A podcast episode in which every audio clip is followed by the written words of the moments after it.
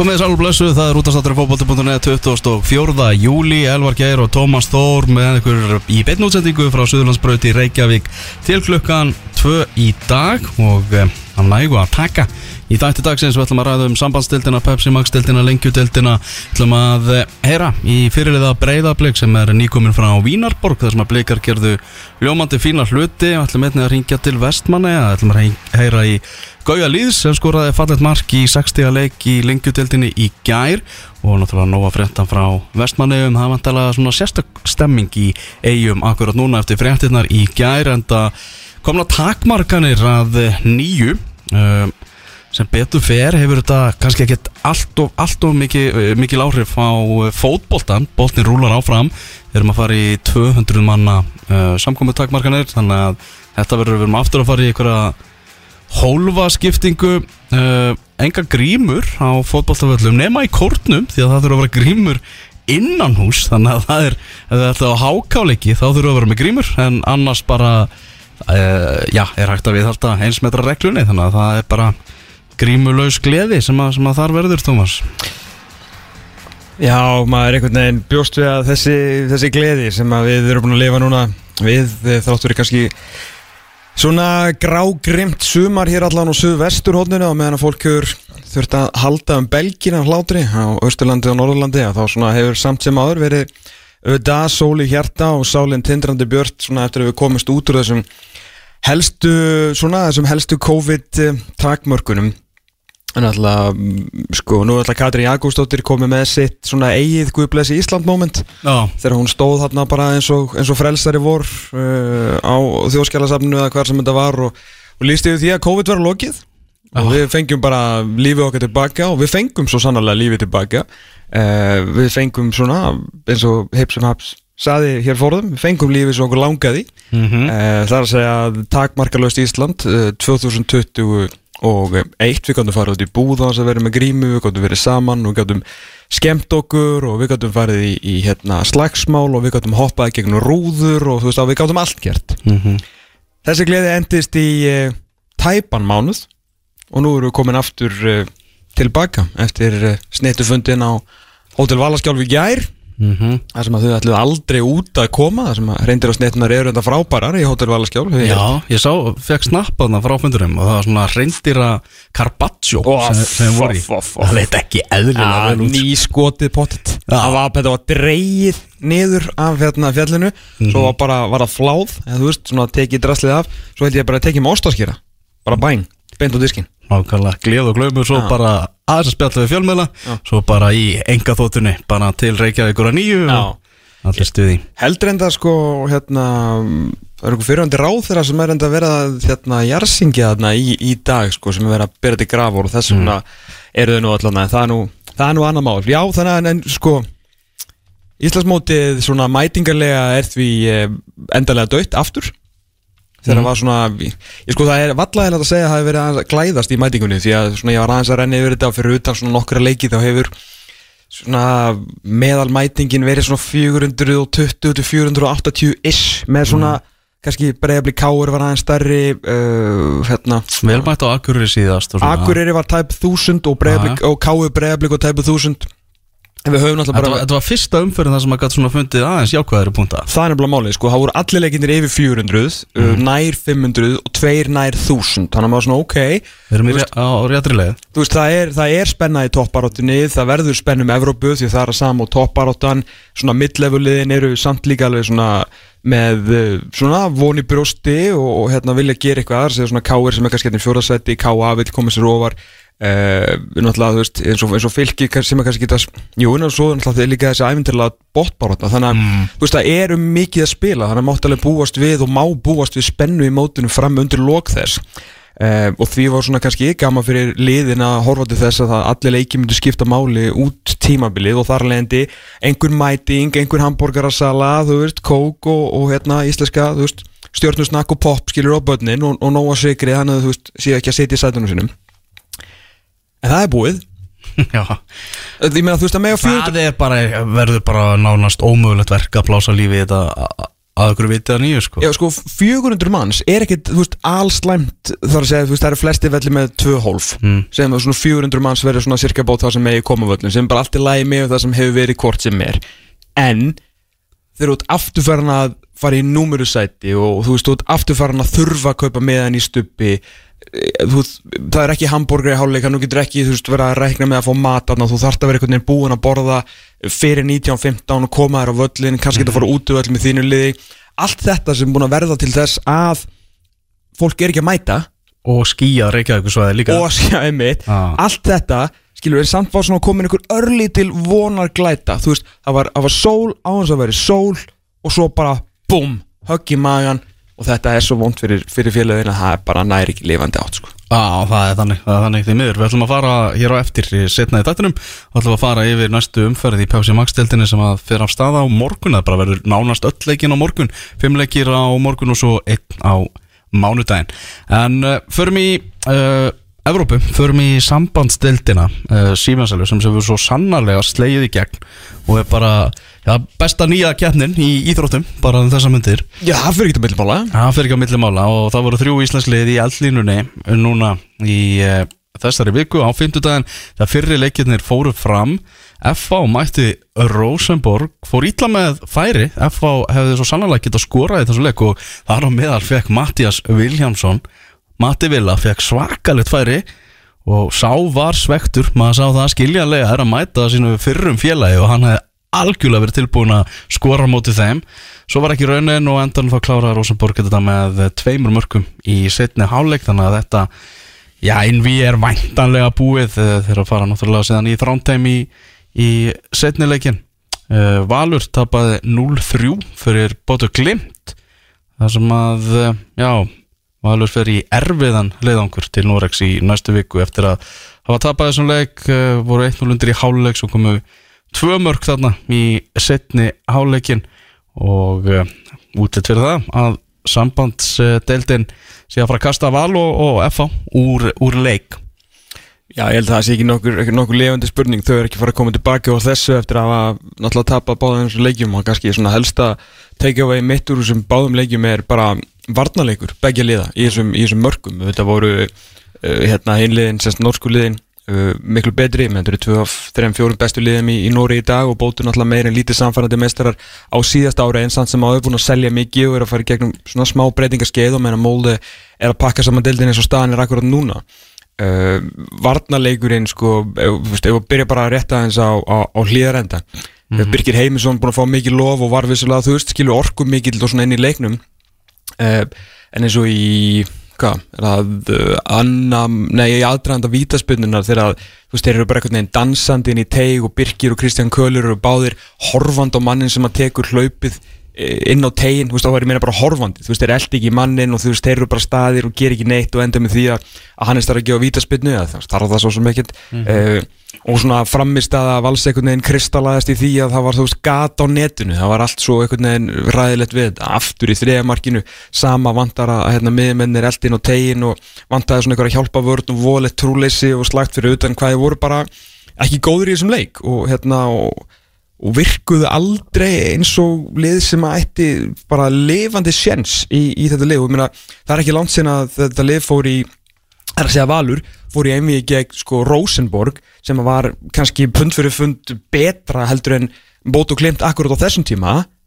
Um, og bara var hérna hásbreyt og nánast skilur dómara skandal frá því að fara, fara áfram, þannig að við sjáum svona að þeir hafa farið alveg vel aftur og bak skilur í Evrópu með við, veist, með við þessi, með þessi úslit og þessa framistuðu sem var bara alls ekki nógu góð. Talandu líkum varnarleikin hjá Rosenborg nei hjá FH á móti Rosenborg veist, þetta er svo dýrt elvar. Mm. veist, þetta er ekki veist, það var ekki eins og FH hefur verið eitthvað sundur spila þú veist þeir eru með XG upp á 0,95 og meina þú veist auðvitað Rosenborg með XG upp á 2 en þú veist það verður alltaf þannig að spila móti betri liðum, þú þarft framistuðu frá markverðinuðinum, þú þarft framistuðum frá miðvörunuðin, þeir þurfa að henda sér fyrir skot. Það þarf að koma ykkur ragga sig um móti Englands tackling, þú veist það þarf ykkur að henda sér fyrir, það þarf þú veist þú þarft að sleppa með eina hendi, þú veist að þessi liðir er svo miklu betri heldur en liðin okkar að þú þarft smá heppni þitt líf. Mm -hmm. og fyrir utan heppina þarf þú líka að spila þinn besta leik á sömrinu þegar þú mæta miklu miklu betri leikmunum heldur út vanlega að spila við. Og þá getur ekki bóðið upp á svona mörg Gummi Kristjáns að missa mann fyrir aftur sig í, í hlaup. Ég meina þú veist bara, hann starir á boltan og gæðin kemur fyrir aftan og skorar. Aftur, annar markið, sending fyrir Gummi bara einhver staðar, endar svo ykkur svona, hálf, svona hálfkáks uh, batli við manni sem skorar. Að, veist, hann er ykkur ekki, ekki að horfa. Hann brennir fyrsta færinu, dauðu bolti og einhvern veginn aftur gummi þú veist, einhvern veginn leggst næri ekki einhvern veginn að stoppa hann og gæinn bara næra að koma boltanum fyrir sig inn í markteg og skora. Það er alveg ljóst fyrir utan alla knattspinnulega hæfileika og allt upplegg og alla tölfræði og alla, þú veist bara allt sem að tengist í að reyna að leggja svona resa velli í Európu og ná ykkur múslitum fyrir utan allt sem þarf að þú þarf að gera og ganga upp og, og leggja upp og, og framkama að þá náttúrulega ferðu ekki neitt áfram ef við verðum að gefa svona mörg eins og F og Valur voru að gefa sko. það er alveg grátt en að því sögðu á meðan að hinlegin eru svona ógeðslega mikið um boltan og koma og koma og koma og koma að ég meina þú veist Gummi og, og bara allir þessi strákar skilur Birki og flottur leiknum og Kölu og fínni leik þannig séð, þú veist, upp að upp því þagmarki að ég meina liðin voru ekkert með boltan en þegar að hitlið er bara koma og koma og koma og koma og koma og koma og þú bara reynir ekki svona tilrönd til þess að gera neitt við boltan að þá náttúrulega endanum, þú er kannski með veist, 60 hefnaðar skilur hérna defensive actions á móti tveimur en þá ert ekki að spila móti strák úr, úr keflaugi eða stjórnunni eða vikingi eða eitthvað heldur er þetta eitthvað framherri á Rosenborg sem bara nýtir færið sko. þannig að Já, þetta er bara gæðamunur á, á, á liðunum og, og F var náttúrulega ekkert að gera heldur nett í Pepsi Max tildinni þannig að kannski ekki hægt að venda þess að þeir fara inn að gera eitthvað í sambandstildinni á Nei, móti menn það- mun sterkar anstæðingum sko. bara, veist, þetta var eitthvað þú veist, 2-0 á móti Rosenborg fyrir FH á þessum tímpúndi er bara ágætt fyrir utan hversu þeir eru svekktir með hvernig mörkin koma á sig en maður er auðvitað kannski aðeins svona svekktar úti í valsmenn fyrir að vera þó á toppnum þráttur er kannski enginn skilji alveg hvers vegna þeir eru á toppnum með framistuðun en það segir auðvitað sér bara um gæði leikmannana og sigluna og allt, allt að þessu valslið að bjóði ekki upp á aðeins betri framistuðu heldur en heldur en það gerði á móti, já aðeins betri, bara miklu betri framistuðu þetta var bara nánast óbjó og hérna, ekki bólegt sko, óbólegt. Sennileginni verða núna á, á næsta 50 dag og kindilberur okkar í, í sambandstildinu núna eru blikarnir sem hafa verið bara þrjusu flotti núna í Pepsi Max tildinu og stór skemmtilegir. Og þeir gerðu eitt eitt jafntefli í Vínarborg á móti Óstríða Vín í leik sem að ég horfði á. Og var bara frábæð skemmtun. Þetta var flott útsending og, og Já, bara á, á ríkisjónarpinu í Östuríki, bara ORF og RF einum, þú veist, þetta var bara eins flott og verður. fréttaði við liti í háleik og, og allt þess að vera. Stúdíu á svæðinu og bara mjög flott. 7000 áhörundur eða eitthvað á vellinum áhörundur að snúa aftur þannig að það var svona ekstra góður andi í stúkunni og Já, já, já. hann að sí með, með breyðabliks fánan hann í, í stúkunna sjálfsög að sjálfsög var hún mætt. Þannig að þetta var, og, og leikurinn eins og segi, hann var bara ótrúlega skemmtilegur og, og nóg af svona uh, umræðupunktum úr, úr þessum leik uh, fullt af færum, damir hann að sko hann náttúrulega frábært mark í sambandstildin hann ætla sér guldskóin í þessari keppni. Það ljóst. Hann var nála því að skora fyrsta marki í leiknum svo átti blik, átti blika náttúrulega að fá vítaspinnu en frænd okkar frá færiðum hann Jóhannes á höfðanum eða hvað sem hann heitir hann bara ákvað ekki að dæma vítaspinnu þegar Gísli Evarsson fjall í, í teiknum uh, Ástriða Vín kjast yfir blikar uh, jafna 1-1 Með og fallegu marki. með fallegu marki uh, virkilega flott samspil hann Betra greinlega fyrir Alessandur Helga að vera aðeins nær markinu hann get ekki skotið yfir.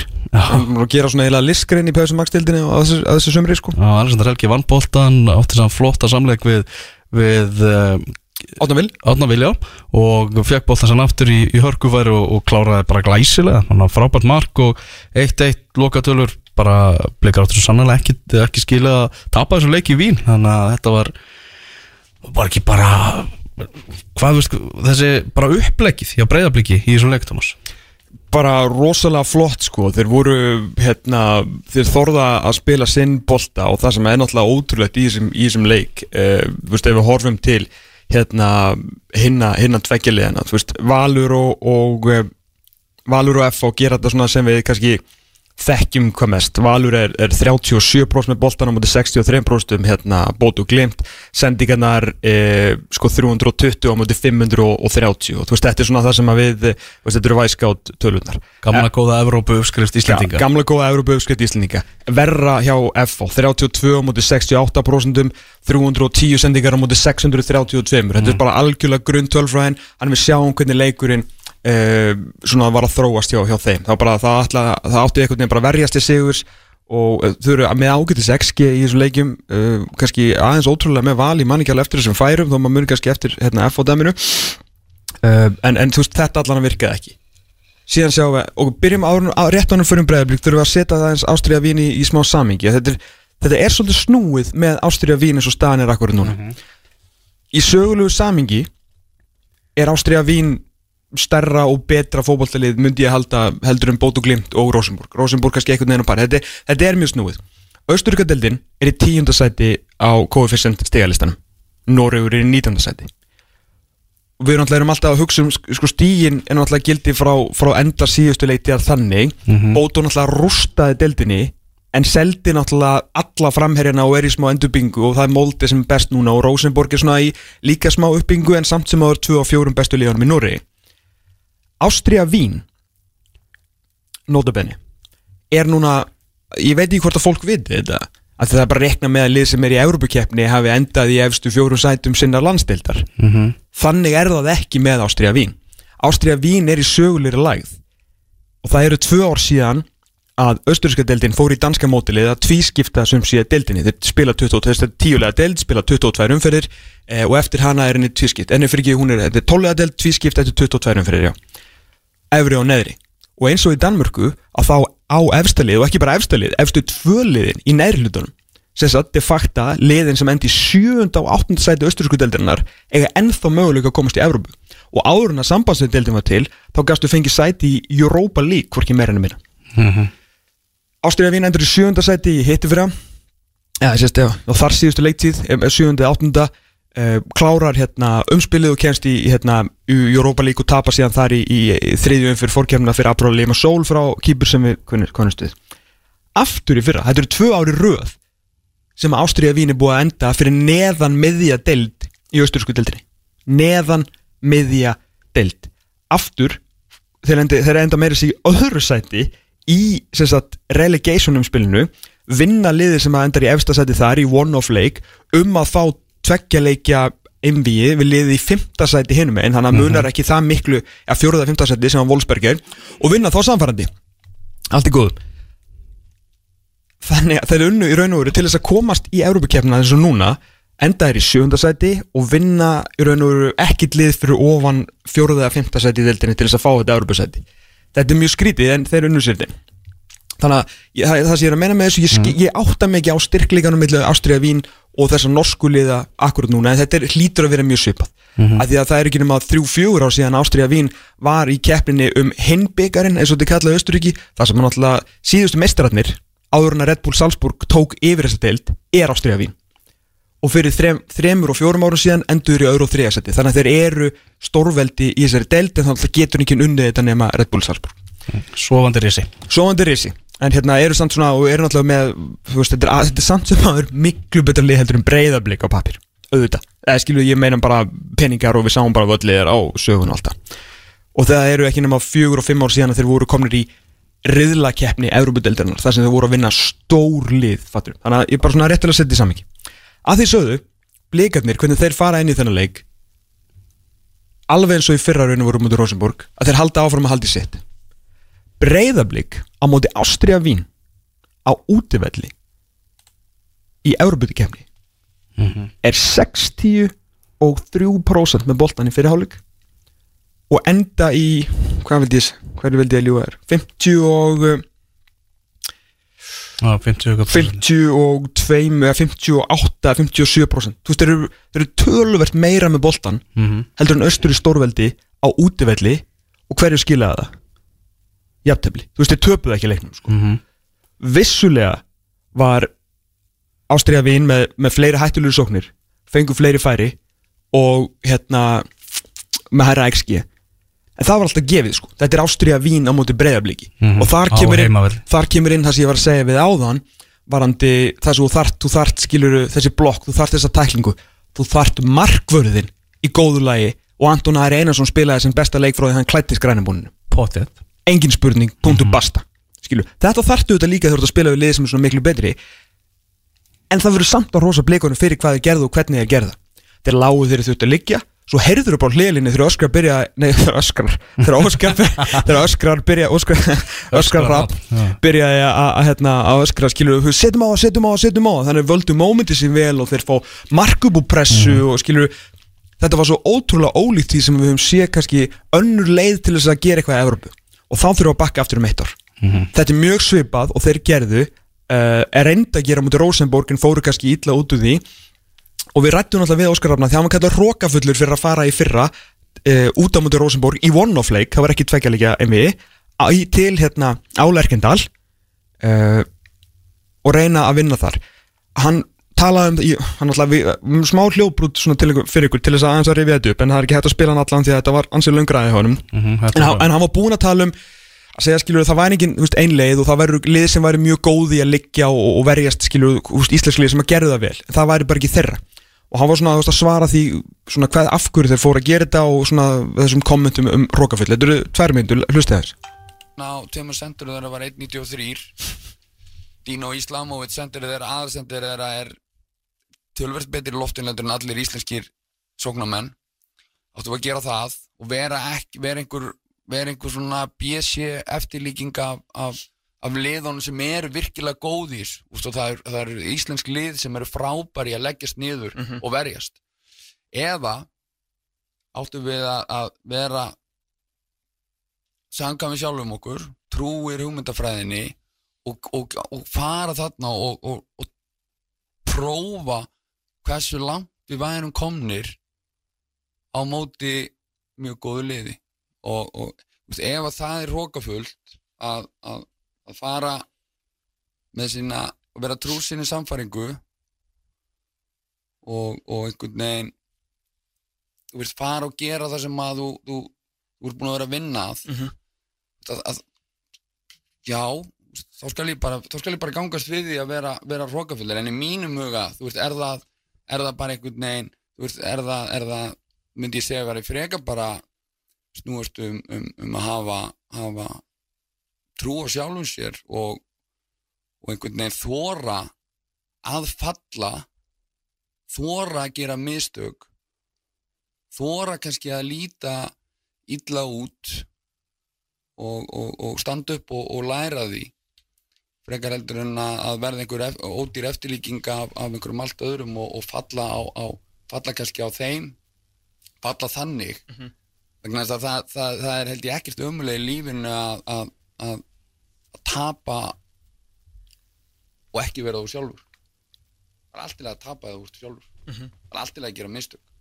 Og þetta er einhvern veginn veist, mér varst þetta að vera svona mér varst þetta, þetta að vera kannski svona, veist, þarna helst fannst mér umræðan einhvern veginn, þú veist, ætla að fara að stýra okkur í að að, að, að, að þóra ekki að gera neitt nýtt Já, þetta var Óskar Rafni við talum við okkur í massmánuði á þessu ári þar sem hann var að rifja upp, upp þetta Evrópum við þeirra í fyrra. Mm eins og segja, aftur, það er engin einleið ég meina eins og bara vikingarnir minnir í, í fyrra þegar þeir fóra hérna í hennan erfiða, erfiða útileik og ætla náttúrulega að reyna að spila sinn fókbalta, við, við, náttúrulega- við vitum ekki hvað þeir allir að reyna því að Sölviki Rottisinn fær náttúrulega rautspjald eftir, ykkur fimm mínútur.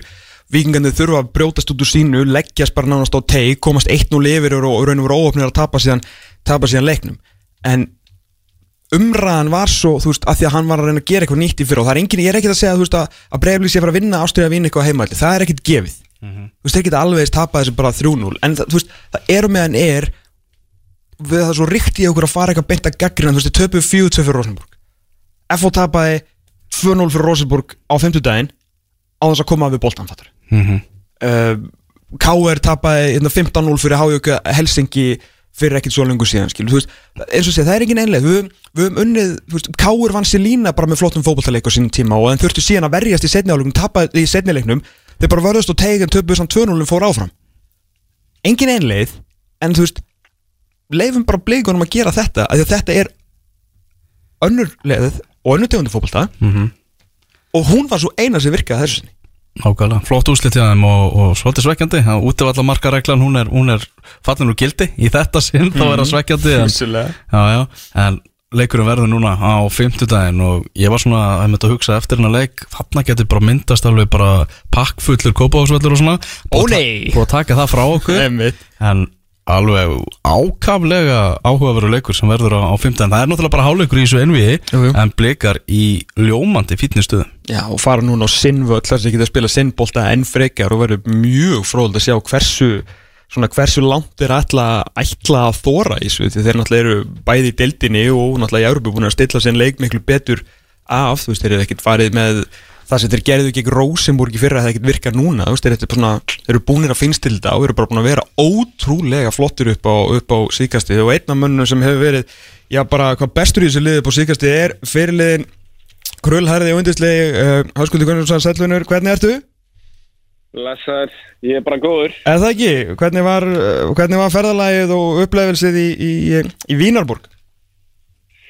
Þetta var svona smá óþarfa langt ferðalag. Við vorum með einhverja innanlandsflugs uh, rellu sem maður þurfti að stoppa. Ah, Uh, stoppa í Glasgow, taka bensín. Já. En, en bara við vorum á einhverju topp hóteli og náttúrulega mjög flottar aðstæðar þarna á heimavöldum þeirra sem við hefðum á daginn fyrir leik. Já. Þannig að þetta var bara mjög, mjög gaman og svona pró umhverfið sko. Já, og náttúrulega, veist, allt annað, eða líka, þess að segir, sjögust áhörundur, reyngilega flottu völlur, stemning, þar sem að þeir voru svona að snúa aftur líka, þarna, þetta var svona eins, svona meðin flottar erfuleikjum sem maður hefur svona séð allan umgjörun í, í svolítinn tíma. Já, hrikalega gaman að, að bara vera í svona grifju sem er lokuð þarna hringin og, og það er eitthvað, últras, eitthvað bullur þarna bak veitt marki sem, mm Mhm. sem að bara gera að verkum að þú veist það heyrist ekkert, heyrist ekkert í þegar maður heyrið ekkert í hvorm öðrum og hvorki þjálfarum eða neinum þannig að Nei. menn voru bara að tjá sig með látbræði. Uh, leikurinn ykkar, uh, þið ljótið að vera rosalega ánæði með hann, hvað þið náðu að svona haldi ykkar gildi svona eins og þið voru kannski að reyna í, í fyrra móti Rosenborg en, en kannski sýnir hversu langt þið eru komnir að, að vera meira með boltan heldur en ég eitt að stærsti lögum í sögu Östrykis.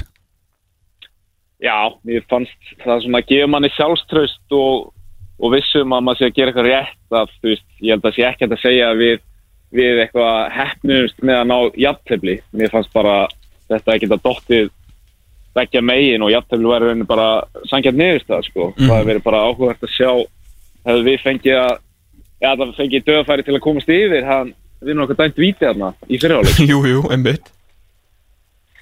Þannig að, já, bara, þú veist, við erum alltaf, maður er hrikilega liðsfölunum sínum og bara manni sjálfum og öllu bregðarleika bara svona hugaðir og hugrakir í leik eins og þennan. Mm -hmm. Ef ætla að alveg gefið þeirra menn sem að fá já, tölvöld meira borga heldur en þið og, æfið, og æfa meira og eru náttúrulega bara fullir fullróska atvinnum menn í þessu auðvitað eru þeir kannski aðeins ofan á í einhvers konar færasköpun og svona og þá er nú gott að vera með góða markvörð og kannski eftir smá bras í byrjun tímbils hefur nú Anton Ari verið að stígu upp og, og við vorum að segja hérna áðan uh, höggi að þetta er nú líklega besti leikur tóna frá því að hann klættist í, í grænum treyna Já, ég held að ég sammála því en mér finnst þetta, hann var náttúrulega ótrúlegur í þessu leik, sko. Alveg magnaður. Uh, en, en mér finnst þetta samt vera bara svona áframhald á hans stíganda, sko. Já, bara alveg núna eitt, svona 6-7 vikur búin að vera alveg frábær sko Já, já, ekki spurning og bara ákvarðan að taka hans þegar hann, hann náttúrulega byrjar oftar en ekki uppspil okkar og, og bara, já, hann er ekki úsa, bara sjálfströst í botni, sko. Það sást, sást vel í þessum leik. Er þið, þú veist, finnið það bara á æfingum og í leikjum núna, þú veist, að kannski séðst alveg úslitunum ykkar að, að þið eru búinir að finna eitthvað, þú veist, fara millivegin og milliðist þið kannski byrjuðið í sem var náttúrulega rosalega aggressíft en, en ég ætla ekki að segja að þið bakka út úr því en svona kannski aðeins eins og segi, finnst stilt þetta að þú búin að spila nokkra stöður og svona þið verðist vera miklu meira svona confident í því sem þið eru að gera og kannski viljið gera Já, komin, komin góð taktur í okkur, klálega, og, og kannski svona áhættu stýringin orðin aðeins betri, þessum við segja, án þess að við höfum eitthvað skiptum, skiptum uh, plan. Við erum ennþá bara sama aggressífa, uh, aggressífa liði sem að tekur, tekur áhættur og vil spila skemmtilega. Algjörlega. Uh, þannig að bara bland kannski að menn bara líka, þú veist, læra betur inn á þetta eftir að veist, lengi saman og er núna öðru tíðanbylnu og því að bara þegar það kemur svona taktur þá einhvern veginn já, það er bara svona indislega staður að vera á sko þegar mann finnst bara einhvern veginn hlutinni vera að smetta og allir, allir finna það innan sem utan allar sko. Já, emmitt, emmitt en, en þú sjálfur með, hérna, með þessa bakverðastöðu þetta er hægri bakverð breyðablís kannski ekki alveg sama konseptið og hægri bakur annar á liða en, en, en einhver síður, ég menna, þú veist, þú ert svona hefur í gegnum tíðin að vera gæði sem vilt náttúrulega vera nær markinu og, og, skora menn þú eru kannski aðeins að svona einhverju að kingja þeir eru settir í, settir í bakurinn og reyna svona að taka þeirri stöðu. Já, já, þetta ég myndi, ég myndi aldrei nennan að spila þessa stöðu í ykkur öðru lið. Nei, Nei, nei, ég hérna þetta var bara þetta var eiginlega svona smá þú veist, bara það vantaði bara menn á eh, þeim tímpun sem ég er færður þarna. Það var eiginlega bara svona einhver úrlaust og svo bara svo eiginlega bara þegar maður var kannski það viltur í þessu að þá eh, svona fór, fór það að opna á opna á svona nýja ég veit ekki, leiðir í uppspili og að bróta bróta línur hjá vörnamennum og þannig að kannski það er, það er ekkit þægilegt að spila á móti þú veist, eða verjast á móti hérna, varnamanni sem er kannski komin í eitthvað hothlaup á vinstri kanti eða eitthvað, skilur Nei. Og svo bara pössum við að að fyrst beisa sér varnarlega ef að ég er komin í einhverja þvælu framlega á vellinum, þá er bara, þú veist þá er Alexander Helgi að Viktor Karli eða Damir hver sem er káverar, káveramann en þetta er, maður tekur þessu bara fagnandi með að það gengur svona vel sko og það er ekki eins og þessi staðar sé eitthvað, eitthvað passív eins og vorum að ræðum, þú veist, við skoðum bara þú veist, tölfræðin yfir líkilsendingarnir í deildinni að mennirnir í öðru, þriðja, fjóra og fymta seti eru Hilmar Átni, Hallgrim Mar, Gísli Unnarsson og, og Matti Villa. En efstur yfir key passes í, í Pepsi Max deildinni er jú hægri bakurður breyðabliks, þannig að nófarðin og búa, reyna að búa til fyrir félagana. Já, já, já, þetta er eins og segi, þetta er, þetta er bara skemmtileg stað, við erum náttúrulega oftar en ekki erum við kannski veist, 60 pluss prósent með Einmitt. og spilum leikinn bara á vallarnar mikið anstæðingana þá er maður náttúrulega ekkert eitthvað traditional bakverður að lúra honum upp línuna. Maður er þá maður er þá að reyna að finna sendingar svona, úslita sendingarna bara stundum. Já, já, þannig að þetta er bara gaman. Mm, eins og, eins og talar um þarna, takturinn sem þeir eru búin að finna svona, að, að þeir farið séðan í þennan útileg í, í Evrópu og, og séu ekki að fara í þessa svona hefðbundnu íslensku uppskrift farið ekki úr taktinum ykkar heldur haldið svona áfram því sem þið hafa verið að gera. Það, það reyndist ykkur heldur betur vel í, í þessum leik. Já, það, mér finnst það bara drullu hugrækt af okkur, þótt ég segi sjálfur frá og bara svona líka í ljósið þess hvað hvað það var svolítið auðsað yfir okkur í síðasta, á síðasta ári eftir þarna leiðilega ferð til Norex Mhm. uh, að þú veist, hérna eru að mæta stærra liði allavega sögulega, þú veist, og það eru fullt af kanónum í þessu liði Mhm. þótt þeir svona eru ekki alveg kannski á sama kaliberi og er að vera í gengum tíðina, þá er þetta, þú veist ótrúlega lið með frábær gæði og þú veist, þannig að maður þarf eiginlega fyrst bara trúa það því í höstnum að að maður geti farað og haldið í þú veist identity sem að og ég held bara að það sé betra fyrir okkur eins og ég held Óskar sagt ekkert þú veist, af hverju að reyna að fara vera eitthvað B-útgáfa eða C-útgáfa af skilur einhver lið sem að pakkar og er gott að verjast þú veist, við, við bara kunnum það ekkert. Þannig að ég held að, ég, ég held að það myndi enda bara illa sko. Þannig að bara frekar að skrúi þetta aðeins enn meir upp í því sem við erum að gera. En auðvitað, þú veist, erum við síðan erum við síðan við lágum alveg aðeins tilbaka þegar það þurfti og við erum ekki, við erum ekki arrogant í þessu, eða kærulesir þú veist, það er líka alveg það þarf að sína um skemmtna eins og Ástriða Vín virðingu með það að gera sko. Hvað, hérna, hvað var það svona sem að eh, þeir, þeir voru að gera best? Hvað ætlaði að reyna svona að justa fyrir, fyrir fimmtæðin? sko þeir eru náttúrulega með mjög uh, hávaksið lið. Já, ég tók eftir þýma, það var ekki sentimentar skortur þarna, jésús minn. Nei, þannig að þú veist, ég er að dekka uh, gæja sem er svona tveim höfum stærri en ég í, í fyrstu leikatrim, þannig að kannski byrja helst að vera ekki að fá okkur aukaspinnur eiginlega bara á okkar vallarhelmingi af því að þá bara um leiður eru konið fram með í miðju og fá aukaspinn þá stilla ég bara upp. Bara inn með, inn með lið í tegin okkar. Og þar er, er þar er alveg erfitt að eiga við þá. Mm -hmm. Þetta er mjög hávaksi líf og bara góð spilnumenn en síðan bara síðan kannski það sem að mér fannst við gera vel að ef við setjum aggressífa pressu á þeirra öftustu varnalínu og, og látum þá þurfa að þú veist, bera upp boltan eða eitthvað sendingar að þá eiginlega svolítið lúðra er honum bara þannig sem við viljum og við þú veist, eða hreinlega bara við unnum hann oftar en ekki með því að bara þeir, eins og marki á Alexander mm Mhm. þá eru þeir þeir eru náttúrulega með það mikið stolt að reyna að spila alveg veist, spila út úr vörna móti einhverju liði sem að spila einhverju kakkalaka delta á Íslandi En- þannig að við getum sjokkar á með því að þú veist, vera síðan á tempói sem að er bara þú veist, það sem er mötsa og jafnvel herra og erum ekki að lega meðjumennunum þeirra bara að trýta með hann inn á okkar vatnherraming og eiga þú veist, sendingar þá, þá finnst mér svona, við geta sært á, bara eins og við gerðum sko. Mhm. þú veist, bæði þegar Gísli fær átt að fá víti, þá er veist, þá er það að því að hafsettin gefur á Gísla og í markinu þá er þeir eitthvað að reyna að spila þannig aftastu lína, Lexi náttúrulega vinnur hann frábælega þannig að bara, bara keira upp í það sko. Mm Já, þau eru búin að búa til ansi gómsættan leik sem verður á, á 50 daginn á Kópáðsvellinum en áður en að því verkefni kemur þá er hann náttúrulega leikur á morgun þegar að fara suðum að sjó og, og heimsækja kjærfvikinga í, í Pepsi Max tildinni Já, við náttúrulega harma að hefna frá byggarleiknum og, og bara Keflæk er gott transition lið og vel drillað og þú veist, með mikla hlaupagetu og, og hérna þið náttúrulega bara síndu það í, í byggarleiknum að þú veist mm að þeir geta heldur betur sært okkur sko, þannig að við við förum með null vannmatt inn í þannleik sko, skal lofa því. Gunnlaug- Höskuldur Gunnlaugsson bara takk kærlega fyrir að gefa þér smá tíma og bara gangi ykkur vel, sérstaklega á 50 daginn Já, takk, bara takk sem leis Heyrjast bara Æskulum minn, bye bye Já, held ég eh, fyrirliði blika hérna á línunni hjá okkur. Hvað hva áftu breyðablika þeir fara áfram? Mannum ekki hvort að þeir voru hérna valur sem Ég ætla að fara í hérna fréttalitina á .net Já. þetta, hún, hún muni ganga betur sko. Það er ekki einhverju ekki Sjáðu hvað anstæðingum íslensku liðin geta mætt. Hérna er það. Já, Herðu, er Breiðablik slæðir út Ástriða Vín far kópásliði leik gegn Aberdeen frá Skotlandi? Eða, Ó, fá skotana Nei, náttúrulega mega bótt ekki kom Já. eða Hakken frá Svíþjóð Hvernig fór fyrirleikurinn?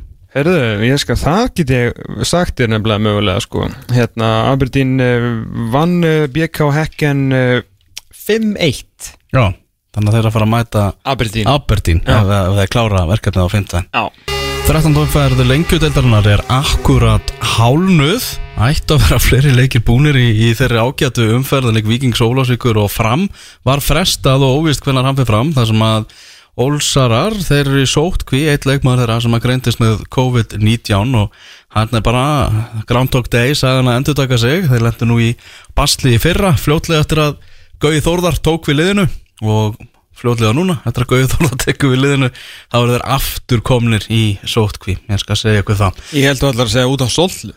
Ég er svo ánægður að fá það núna aftur. Já, það er byrjað aftur. Út á sollu? Já, út á Solti þá uh, fór leikuvíkingur Ólás, Ólásvíkur og, og fram, ekki fram. Uh, en uh, í gær átti séðan að mætast kórdrengir og afturhelding þar var uh, aðlið sem er nátengdur einum leikmanni kórdrengja sem að greintist með COVID þannig að það var öllu farið með gát og kórdrengir skelltu sér allir í skimun í gær. Og uh, hún hefur gengið vel svo skimun því að leikurinn fyrir fram núna klukkan 2 á Dómi Snóa vellinum í Breiðholti.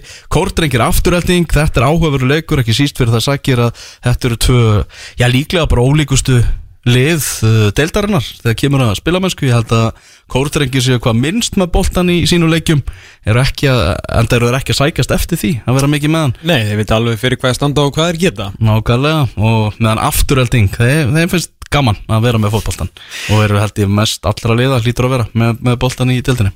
Já, og náttúrulega sko þjálfarar sem eru hvað annars vegar 32 ára og 37 ára Þannig er heldur betur nýji skólinn mættur til leiks Já. En samt sem áður með algjörlega mismunandi aðfyrir allavega hjá þessum fótballaliðum sko Það er svo skemmtilegt í fótboltan, Já. það er það að gera hann á ímsa vegu Nákvæmlega, Davíð Smári Lamúði og eh, Magnús Már Einarsson búin að vera að gera mjög flotta hluti Sikur megin á töflunni og kórdringin náttúrulega bara verða að vinna þennan fótballtaleik til þess að eh, ég halda áfram baráttinu við IBVF því að jú vissulega fjölnir vann en þú veist Grindavík búið að vera alveg gríðarlega ósamfærandi og ég er hrettur um það svona, ég óttast það ef að, ef að eh, strákanir úr, úr kjólingabænum, úr bingokúlubænum ef að þeir gera kórdringin skráefu á, á hérna, Dómi Snóa í dag þá er þetta farið að líta ansi ansi þægilega út fyrir uh, bandalagið í Vestmannheim sem að, jú, er einmitt komið á, á svona skrið. Nákvæmlega, nánar því á, á eftir en svolítið leiðilegt mitt við lengjudeldina eins og hún er skemmtileg þá er hún ekkert langt frá því að nánast bara klárast. Nei, það er bara það sem ég óttast aftur, ef að meiri sem afturhalding er bara jættiblið, þá er þetta þrjú stig hérna hinnum megin, en það er sem betur fer já, eins og þeir segja í spurningakefnum alvar nóg að stigum eftir í pottinum. Já, en svo er að mætast sko, nefnilega sko Selfoss og Þróttur mætast núna á miðvíkudaginn í næstu umferð. Næstu umferð við spilaðu á þriðjudag og miðvíkudag og eitthvað á lögadeginum uh, og ef að Selfoss vinnur þann leik þá er bara, er Það er bara, nánast búin að klára bótbáratina þannig að Já, það er einmitt og sko, það er ekki, það er ekki mörg Evropasætti bóði í lengjudöldinni þannig að ef að, ef að það er ekki IBF eins og austurísku deildinni. Nei, nákvæmlega. Þannig að ef að IBF næri eitthvað nokkur steg fólkskoti núna á þriðasettið í þess, ég bara með því með góðum úslutum í afturhildingu og kannski næstum fyrir líka selfostíku þrótt og þá er restina deildinni svona ansið óspennandi því það sem að gerist á milli þrjú og þrjú og tíu í lengjadöldinni skiptir náttúrulega einhver máli þegar þú veist 1 og 2 og 11 og 12 er, farið sem er mikil synd því að það er búið að vera mjög gaman að fylgjast með þessari deild líkt og á síðustu leiti sko. Mhm. Það er annar leikur líka í dag uh, Vestri og Selfoss segast við á Ólisvellinum uh, mikilvægur leikur sérstaklega fyrir Selfissinga sem að vilja koma sér hérna frá uh, fallsvæðinu en le- ef við skoðum þessar leiki sem er búnir eru í þessar 13. umferð og byrjum þar bara á fyrsta leiku umferðina sem framfór á ekstravellinum í Gravarvogi á 50 daginn fjölnir með 3-1 sigur á móti þrótti og þeir eru ekki að skila sér til- tilbaka hérna meðslaristanum hjá þrótti þannig að þeir eru með alveg kortnungt lið og veist, það er erfitt sko ég, ég samþykja af alla að sé vera gort að segja því hvað þú ert með ungt lið þegar þú ert bara þú veist, að falla úr deildinni og ert ekki að vinna fótballaleiki sko. Var eitthvað að því eða? já, ég sá það eitthvað aðeins á Twitter. Já. Bara svona aðeins að, já, við vorum elsti leikmaður var 2000 mótel og eitthvað. Það er erfitt að gera Það þegar ætti nú frekar að heita afsökun heldur en mót sko Já, í, í ég- þessari er stöðu. Það- ef þú hefur komið inn í mótið með meðalaldur upp á, upp á 22 ár skilur og verið eitthvað svona alltaf að fara í eitthvað endurbyggingu og sætta sig bara við, ta- eh, sætta sig við fall að það gæti verið með niðurstaðan sko frá fyrstum fyrir að þú ætlar að fara að byggja ykkur upp þá náttúrulega er það montaði sko annars er þetta náttúrulega bara á þetta bara raun og vera að vera afsökun og alveg góð og gild sem slík sko veist, þróttur á að vinna fjölni í þessari deild þar sem þetta verist vera alveg lang næst lagasta liði næst til þriðast lagasta með selfisingu sem var náttúrulega ekki sínt okkur raskat í bala í mjög langan tíma sko. Mm þróttar er mikið að fara eða bara oft og yðurlega að fara illa að ráði sínu í leikjum. Klúrum búin að að klúra mikið af vítun þetta skoru og víti í þessu leik eitthvað sárapótamark en þarna fengu við til dæmis voru að klúra hætti tvis var í fyrirháleik einn á móti markverði. Robert Haugsson fór hann illa með mjög góð tækifæri og, og svona þetta er ekki að, er ekki að virka hjá, hjá þróttarunum og fjölnismenn þarna með 3-1 sigur þar sem að uh, Bakare skorar hana nýja leikmaðurinn sem kom í, í klukkanum uh, og hann var vist bara hann var með síningu í þessum leik. Uh, Já, ég hérna 34 ára gamall, hann fyrir vel á stað hann, og hann allavega að, þú veist, vakti lukku í fyrsta leiknum sem hann spilaði. Þá va- vakti hann á og það, hann er svona vist, þetta er smá svona stælagauður hann er svona að taka kloppa og, og skemmta áhörfundum mm og um, hann var maður leiksins í, í þessum leik Já, við varum alltaf skorar og leggur upp með því að fýbla hann eitt þróttar hann bara inn á tegnum og, og senda hann á hérna, bara við endalínu, kloppa hann eða eitthvað og lifta hann fyrir tegina sem að Sigurpál Mölberg náða skalla hann í neti og svo á hann líka stóra þátt í e, markinu hjá Jóhanni Átna og líka kannski aðeins bara svona að því að við erum búin að vera svolítið á bakkinu honum að við ætlum að vera að vera sangjarnir og ekki bara sangjarnir, bara glaðir og og bara ánæðir með að, að hérna, Jóhann og Leitni svona aðeins vaknaði skoraði um daginn, skoraði og laði upp í þessum leik stóðsendingin hans ábakæri í þessum leik var hrikalega flott flott transition sókn þar sem hann svona utanfótar snýran út fyrir varnamannin og, Bakari klárar um, auðvitað, ég þú veist, hlaka til að sjá Bakari sem kannski gerir þetta Já, ég hlakka til að sjá hann á móti betri liðum sko. Þú veist, Já. það er mjög auðvelt held ég að sóla einhverja krakka í þrótti upp úr skónum þegar sjálfströsti á öllum er, er í mólum sko. en, en tökum ekki það á honum, Markus Dósending og sama hjá Jóhann og Leitn og bara mjög skeggja að hann hafi hérna, náttúrulega með fyrirlega bandið og bara, þú veist, hafi verið þetta flottur og vonandi heldur hann áfram þessu skriði því að náttúrulega við eins og alltaf sagt þráttur við höfum verið eitthvað aðeins að raskjallan að þá, hérna, vitum við manna best sko hvað býr þessum, þessum strák, hann er frábæri fótboltar Já, en eins og segja, ég, ég laka til segja að, að sjá Bakari því að ég veit að umbóðsmálun hans er búin að vera að bjóða hann íslensku liðum í ansi langa tíma. Einmitt, þetta og er alltaf, er alltaf að fá nei og nei og nei. 34 ára gammal englendingur sem hefur bara farið í öll lið sínist mér sem eru hérna við neðstu deltir Englands. Já, þetta, er- þetta er bara algjör neyðar Já. Þetta er bara til þess að gera eitthvað fram á því að því ekkert voru að skora. Og þú veist, hefur virkað hingað til. Marko stóðs ekki í þessum leik og þau náðu fín þrjú stig til þess að reyna að færa sér því að fjölnir eru ekkit autofit sko. Þetta eru 6 stig í IBF það er nóga stigum eftir þannig að þú veist liðin sem eru með 20 stig er alveg ennþá við séns að það IBF er jú, jú, þú veist er að skilur að því að IBF hefur svona dottið í skrítin úrslit þannig. Þannig að hérna, um að gera allan að reyna og að Kolbjörn Kristins var búin að lofa því og stóð við það og þetta gerir sko. En ég er farin að pæla með þróttarna þeir eru útfarin, auðvitað eru með menn á meðslalistanum en nú er þeir, þú veist, Conor Emil Stráka 2000, 2002, 2001, 2001 uh, og náttúrulega Henrik Haraldsson 2004 mögulega framtíðar hérna sendir þróttar og vonandi framtíðar sendir FO allan er það skemmtilegast að sagan af, af öllum. Sko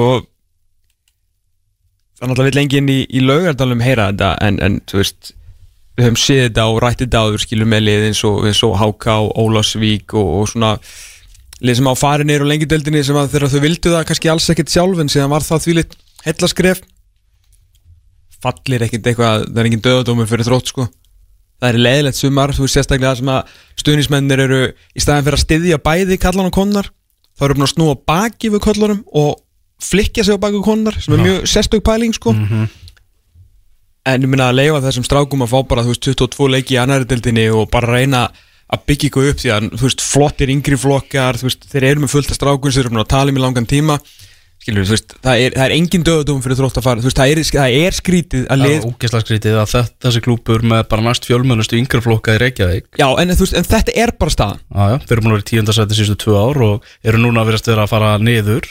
Emitt en ég er að segja skilur Já. ef, ef þau bjarga sér flott. Ég meina selfisingar hafa ekkert sínt okkur að þeir séu ekki að fara að vinna þrótt endilega á miðvikudaginn.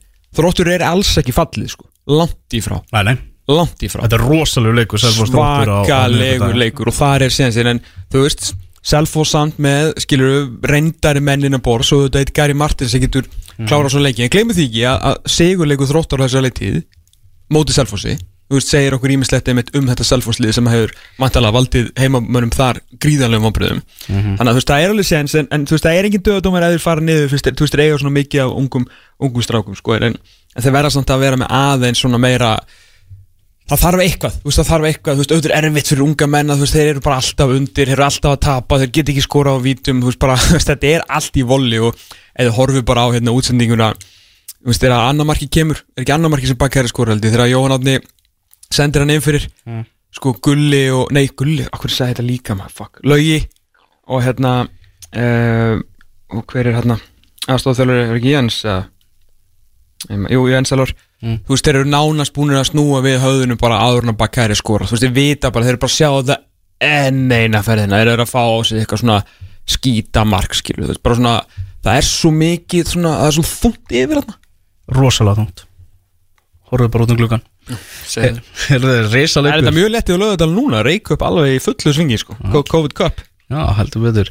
Reysa leikur sem framfóra í, á Hásteinsvelli í gær þegar IPVF og Grindavík áttustu í samkvöldu um 60 leik í topparóttunni þar sem að Grindavíkar leittu í háleik Díón Eikhoff sem að skoraði markið eftir mistök hjá markverði IPVF Uh, Jóni Kristni Eliassinni sem að stóð melli stangana, ég veit nú ekki hvar Haldur Páll var stattur, hann var ekki á, á skýslu en í setna áleik þá gáttu grindvikingar nákvæmlega ekki neitt meðan eigamenn voru í voru fyrir svingi maður. voru í fantastuði Sító, Gauðiliði, Stefán Ingi Sigurðarsson og Tómas Bent Magnússon með mörkin. IPVF fjögur Grindavík eitt. Rosalega úslitt ekkert, ekkert smá, náttúrulega IBF búið að vinna tilbaka þannig sé að við getum orðað þannig hérna tapið í, í Grindavíkan í fyrstum umfyrinni, þannig að þau eru búin að nulla það út í barðunum við Grindavík og náttúrulega hafa bara tapað einum leik í dildinni síðan þau töpuð þarna fyrir frammi í byrjun móts. Þegar þeir fóru ítlast að því í mótinu, þetta hérna, þú veist, og jafntefli heima ekki kordrengjum hérna, það náttúrulega lítur ekkit svaka lítið út í ljósaðis hvar kordrengir eru og hversu æfintilega segir þeir eru. Og náttúrulega þú veist, eitt tap ekki gróttu, þú veist allt í lagi grótaði með ágætis lið en það var náttúrulega meira bara þessi byggarleikur sem að svona skilur svertir aðeins myndina en annars hafði bara verið á, á miklu svingi eigin minni búið síkastið og uh, kannski toppu þessa, þessa, þessa fínu skriði sinni í gær með þessu frábæra sigri og á linni er er þetta markarskóring gerðast þess Guðjón Petur Lýsson, hvernig er þau? Ég er bara heldur fín. Er það ekki? Jú. Herru, þið voruð uh, ansi góður í, í, í setna áleiki gær Já, þetta er svona svolítið small hjá okkur. Eftir, eh, hvað maður að segja, tíðunda lítið fyrirháleik. Hvað hérna, er þetta bestu 45 hjá okkur á, á tímbilinu? Ég held að sé alveg óvægt að segja að þetta hafi verið bestu mínundan okkar á þessu tímbili að það sem ég kom. Já. Við spilum ótrúlega vel enn setna hálfleik og, og hefða, mörkin hefði getað verið fleiri, sko. Já, markið þitt uh, nokkuð hugulegt vildur vera svona ánað með það Ansi, það er svona fagmælega að slúta hér Já, þetta gekk bara vel upp. Mm. Ég var enda búin að segja við Aron Greið fyrir leika. Því miður, þá myndi ég skora í dag og við þurftum að vinna en að Maður þinn orða. Var, Já, þetta, þetta, var, þetta var alls ekki hann að þetta leit nú ekkert æðislega vel í hálfleikja okkur en, en við riðum okkur gang og svörum mjög vel eftir. Að mér fannst ekkert sérstaklega fyrir þó að þeir hafi nú svo sem ekki átt skotað marki en við við spilum ekki vel fannst mér. Nei Þið hafið svona, svona komið babbi bátinn hjá okkur á, á tímbilinu er við byrjun, þú náttúrulega kannski ekki aðna með alveg byrjun svo þessi byggarleikur svarið því með þremur sérum í deildinni svo þetta gróttutap og jafntefnilega mótið framnáttlega bara frábær úrslit með hversu góðir þeir eru en þið hafið svona sínt alveg að það er svona segli í ykkur og karakter að þú veist, er að svara þessu mótlæti oftast með seirum og þá nokkurum í röð. Já, algjörlega, það er bara fríkulega flottur andi í hófnum og mikið af flottur strákum þannig að þetta er svona það er, eh, hvað maður segja, það er alveg gretta í liðinu og, og alveg hugafar í gangi og, og hérna, menn er samstæði að koma þessu liði upp á deild og þá þýðir ekkert annað en að þeirra maður, slæra bátinn að svara því mm -hmm, mm -hmm. og, og, og það er bara þessi deild þú mátt ekkert mistegiði mikið þannig að við erum bara að reyna að vera eins konsistent og það, við töpum leik þá reynum við að svara því sem allra fyrst. Já, mm Hvað var, hvernig var svona stemmingin í klefanum í, í gær, 1-0 1-0 undir og hvað, hvað vildu þið bæta? það var nú margt sem mátti bæta en það sem sko varnarleikur var í rauninni mjög góður í fyrirháleik þeir eiga ekki skota marki fyrir utan þetta þessi mistökandi í markinu. Mm og, og en spilið við vorum ekki að finna plossa á milla lína og við vorum ekki að komast út í breytt og, og við bara vorum að klikka einfalda sendingum og og það ætlu allir að vera heitirna sem ætti síð sendinguna og, og, og, og það svona var bara, hvað maður að segja þetta var bara off hálfleikur hjá eiginlega öllu liðinu og við svona fórum bara aðeins yfir í hálfleik að að kannski að einblina, á það sem að menn eru góðir í mm -hmm. byrja því, gera það vel og, og taka einfaldar og, og hvað maður að segja, betri ákvarðanir inn á vellinum og ekki vera að þvinga fram eitthvað sem er ekki on. Nei, og það fannst mér hefnast alveg fullkomni hær í senna hálfleikum. En voru að finna rétt moment sem þeir átt að gefa hann inn í svæðin og hvenær átt að ekki að gefa hann og halda hann og hvenær átt að hlaupa um boltan og hvenær ekki. Og við gengum bara lægið sko. Spilum eiginlega óaðfinnanlega hennan senna hálfleik. Mm -hmm. Vantaði Haldur Pál í, í markið, Hva, hvar var hann staður? Hann er bara að glíma við uh, hvað maður að segja, einhver, einhver höga áverka hann að mm. Jón Kristins kom inn er virkilega efnilega markmaður og, og hann stóð svo ótrúlega vel. Þegar það þáttur þessi hennar mist ekki fyrir þá eiginlega var hann ótrúlega örgur öll sem hann var að gera. Okay. Þannig að þetta er bara lítilsáttar hjá, hjá, hjá Dóra? Já, ég held að hann, hann er einhver rannsókn og svona, ég, ég ætla hann ekki að tala fyrir hann en það er allan að vera að skoða bara mm -hmm. Eður Aron fyrir að meittur á velli ég sá nú vídeo hérna eftir leikin og miða við svona dansin og fögnuðin hjá honum þá ætla ég að kiska að það sé ekki alvarleg mesli Nei, það var ekki alveg, hann bara vildi ekki taka neina sensa og, og það er mikið að mikilvæg leikjum og, og við erum með góðan hóp þannig að við við þurftum að hérna, vera skinsamur og, og, og hann kemur sterkur næsta leik. Þi, Þið fóruð hérna náttúrulega ekki bratt á staði í, í mótuningu en náttúrulega var ímislegt þú veist þetta liða að taka með sér þú veist eins og ef að það er hægt að taka með sér vond sumar í fyrra, þú veist að gasmálið þarna í, í byrjun, þú veist tvö töp á móti liðun sem að berjast við þú veist var eitthvað þú veist var eitthvað, var eitthvað fundur, var eitthvað moment þú veist þurftið þú að gera eitthvað sem leiðtói þú veist var Helgi að gera eitthvað þú veist, svona, til þess að aðeins að rétta skútun af árunni fóruð svona á, át að skriða, það kom það bara sjálfkrafa?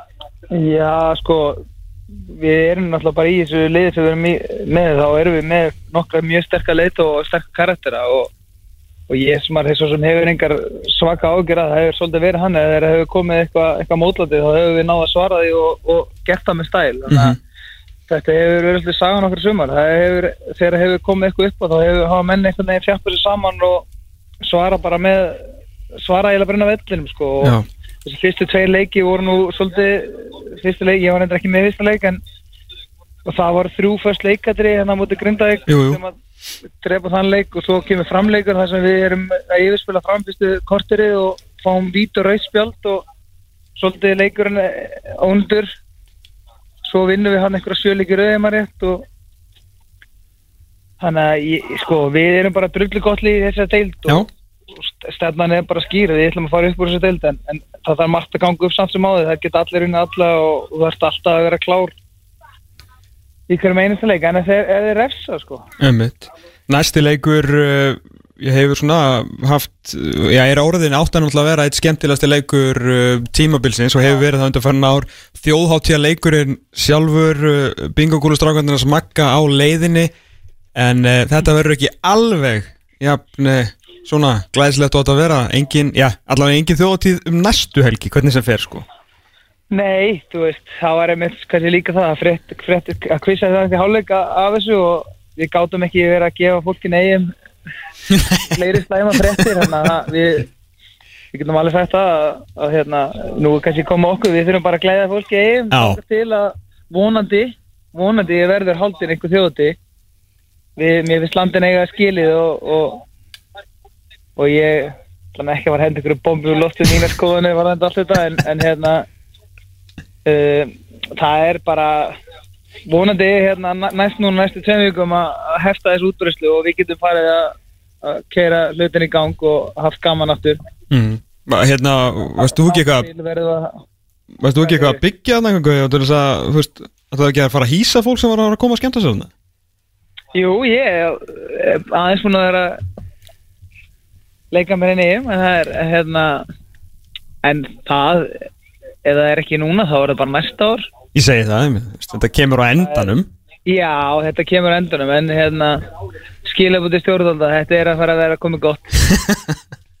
Þau taka það með sér bara inn í, inn í helgina. Guðbjörður Lýsson, leikmaður í BF Takk hjálpa fyrir spjallið, við heyrum síðar. Glæsilegt Bye. Bye. Þetta er heldur betur flottu sigur hjá eigamönnum og, og vel orða hjá Gauja. Við þurfum bara að sjá um það að gleðja eigamenn núna á næstinu Fyrst að, fyrst að það er búið að taka þjóðháttíðina í burtu. Má ekki bara halda hana fyrstu helgin í seft Já, þeir eru að ræða það að jafnvel að bara taka hana, taka hana bara setna þegar, á þessu ári þegar afletning eða þetta er svakalur skellur bara komnum allan tækjabúnað og allt í reyðu Ég fyrir sem að segja, þú veist, fyrstu helgin í seft Ég veist, mögulega geti eitthvað tengst að ég sé, þú veist, að komið landsleikja fyrir það og ég kemst og svona skilur En ég meina, þú veist, mér veist það bara fín dagsning Já, já, það er bara, Þau geta alltaf ekki haldið þetta þriðju helgina í ágúst Því að það er menninganótt, ég var ekki ofan í það Þannig að fyrsta helgin í seft er bara beautiful tími. Nákvæmlega. Eru með eh, fjögurra stiga fórustu á þriðasæti núna, eigamenn, eftir þetta en hvort er ekki reyður náttúrulega leikin inni á, á eftir? Uh, Grindvikingar hins vegar, þeir eru bara hættir algjörlega hættir að vinna fótballtaleiki Herri, ég bara fyrir mitt litla líf, Elva Geir skil ég ekki ennþá bara einu svona fyrir, fyrir meiri sem fyrir þennan leiki í gær Já, hvernig Grindavík var bara relevant í þessari deild það er ótrúlega þeir, unnu, þeir munu líklega að fara að vinna leiki núna þar sem það eru konar samkomintakmarkanir þar sem þeir unnu síðast fótballtaleik þegar það voru samkomintakmarkanir já, þeir eru ekki unni deildaleik síðan 8. júni og þá unnu gróttu og reynda fóru ekki unnu þrjá leiki í röð unnu Selfoss, Þrótt og gróttu sem var reyndar ekki á góðu svingi á þeim tíma. Þannig að þeir voru að vinna þarna þrjú botlið eftir að hafa tapað tveimur leikjum. Eh, þeir tapað fyrir Þóri byggarnum og síðan komið fimm jafntefli í röð og tap gegn IBVF þannig að uh, þeir eru búin að sapna núna fimm stigum af átján mögulegum en hefðu samt geta minkað munin á myndi sín og uh, IBVF nei þeir eru fyrir ekki að geta jafnað IBVF stigum ekki er þráttur að vinna aldrei fótballtæri sko. mm -hmm. ég, ég fatt ekki alveg, ég held þú þurftir að vinna til að fá stig en það er eitthvað öðruvísi lengi Þeir eru að gera svolítið mikið að jafnlefnum ég gera rosalega mikið að jættiflum og það, það, þau voru svo sannlega ekki að skila sér eftir í töpu þessum, þessum leiki gær og þetta er bara að verða menn þeir eru ekki bara að vinna sér 18. júni því þú veist að þetta er ekki hérna, þetta er ekkit ódýrasta liði í bransanum þetta liði ætla sér eitthvað það er búið að hérna, m- moka leikmörum inn, til þess að gera eitthvað mm -hmm. þú veist, bara byrjunliðið og, og bara leikmennir sem að, sem að eru þarna, menn þú ert með náttúrulega búin að ná í Aron Dag frá, frá K.A. í marki skilur en ok, búin að ná í þetta valið Abdilai á, á miðunni að þú ert með Sindra Björnsson og með Tiagos, með frábær miðumar Sebard neðan þó, þú er ná í Díon og með Aron Jó, Sigur Bjart náttúrulega, ég veist ekki að hann sé eitthvað launa hára þú ert satt með einn af bestu framherjunum í deildinni. uh, og bara svona ágætis, ágætis breytt út með flott þjálfarateimi frábæra umgjörð eins og alltaf með framkvæmdastjóran sjálfan á, á varamannabekknum. Skilur þannig að þetta þetta er vanbrið, maður veit ekki alveg hvernig uppgjörið verður Nei, í fiskibænum eh, ef þetta lið fer ekki upp og fer jafnvel ekki upp svona frekar samfærandi sko. nákvæmlega. Svona, Áður að þau fóru í gegnum þennan sigurlösa kapla þá var, var maður bara hrifin að þeim. Bara hugsaði að helli skæði mynd á, á miðsvæðinu ekki og, spurning sko. já, og meiri sæði í summa sem, til að vera sangjarnir að í summa sem jafntefnisleikjum hafa alveg verið öflugir. Þú veist, þið spiluðu miklu betri bolta heldur en kórdringir í, hérna, í leiknum på Domus Nóa en það náttúrulega var bara þú veist, þessi ævintýralega þrá og vilji og hungur í, í kórdringjum sem að náðu þar í jafnteflið á endanum en það kannski, óöfnir þar eða, eða kórdringir náttúrulega bara sköpuðu sína eigin hefni en breytið því ekki að þeir eru ekki búin að vinna fótboltaleiknuna í sex tilrunum í röð og safna fimm stigum á átjón sem að er náttúrulega óbóðlegt fyrir að mæta með svona mannskap í, í lengjadöldina í lið sem alltaf klárlega að minnstakosti að vera í barátunni sko. og nú er það sex stigum frá IBF og þetta geti því miður verið búið sko. Nákvæmlega, nákvæmlega. Það var uh, annar leikur síðan í gær þar sem að Þór vann fjögur tvö sigur á móti gróttu. Ásker Marin og Baldvinsson var valinn maður leiksins, skoraði tvö mörk í þeim leik og fannartaði Malmqvist, hann skoraði einnig og var í öðru seti í valinu hjá uh, Daniel Smára sem að skrifaði leikin fyrir .net. Uh, skemmtilegu leikur, Pétur Theodor hann náði að koma sér á blað fyrir grótuna sjálfsögðu og er þá er ekki komið með uh, 14 mörk í deildinni núna Jú, Þórsararnir ennvar, mm. sko þeir eru náttúrulega eru með í byggandum, munu náttúrulega grindaði ekki lengi byggastlag uh, síðan eru við búin að vinna þrjá og gera þrjú jættabli í síðustu sex, þeir eru ósegraðir í síðustu sex með uh, 12 steg á átjón ah.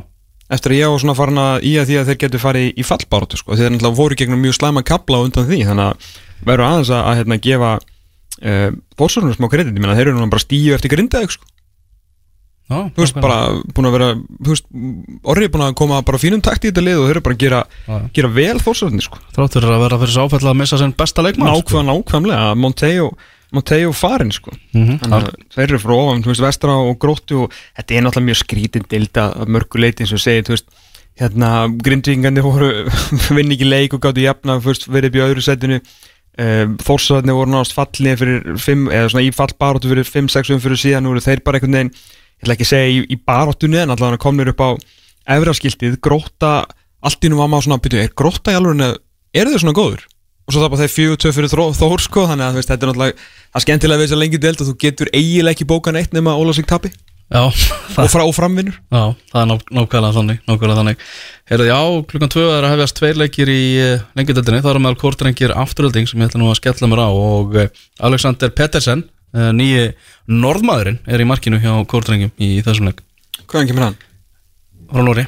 Hann kemur frá Nóri, já, Norrmaðurinn Mhm. Já, ok, skemmtilegt Þannig að það verður frólægt að sjá hvernig, hvernig, uh, hvernig honum vegnar. Uh, förum aðeins yfir í næstu leiki í Pepsi Max deildina, deildinni, skoðum hvaða leikir eru framönda þar. Það er, uh, hvað umferð er 14. umferð, er það ekki réttum er? Hvað erum við komin að hvað? Jú, 14. umferð, hefst á morgun.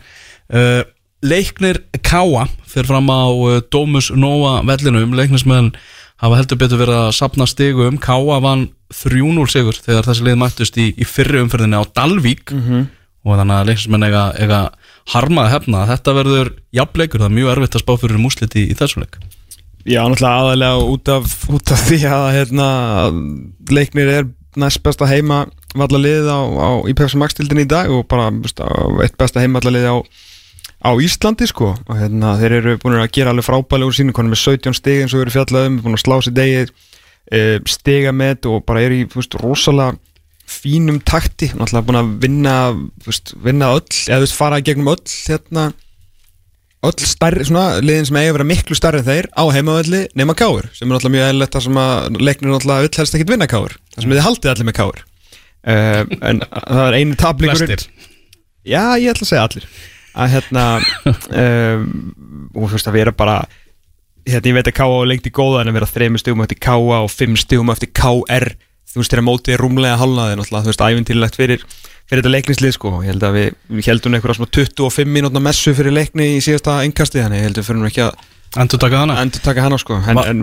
Vandar, vandar Dúsan í, í lið hjá, hjá Káa, hann tekur út leikbann í þessu leik, búin að safna spjöldum ok, Þannig að eh, þá er vantarlega Rodrís myndi ég búast við sem að verða við hliðin á kvist í, hjartavarnarnar hjá Akureyra liðinu já eitt samt með, hérna, með leiknismenn sem er mjög áhugavert að því að maður sko að vera að se segja við með að er Evrópu líka á hana, þegar þú ert að koma inn sem, sem undirhundur í, í eitthvað verkefni og sem sagt verkefni leiknismanna er náttúrulega bara þessi deild í ár að hérna, mm. mæta henn með tiltölu óbreytli frá, frá lengjunni og missa sinn næst besta leikmann og það ertu náttúrulega, skilur góðu markurur og allt það og, og smá hefni líka að það er uh, leiknir er búið að fá þessi átjörn mörkudildinu mm -hmm.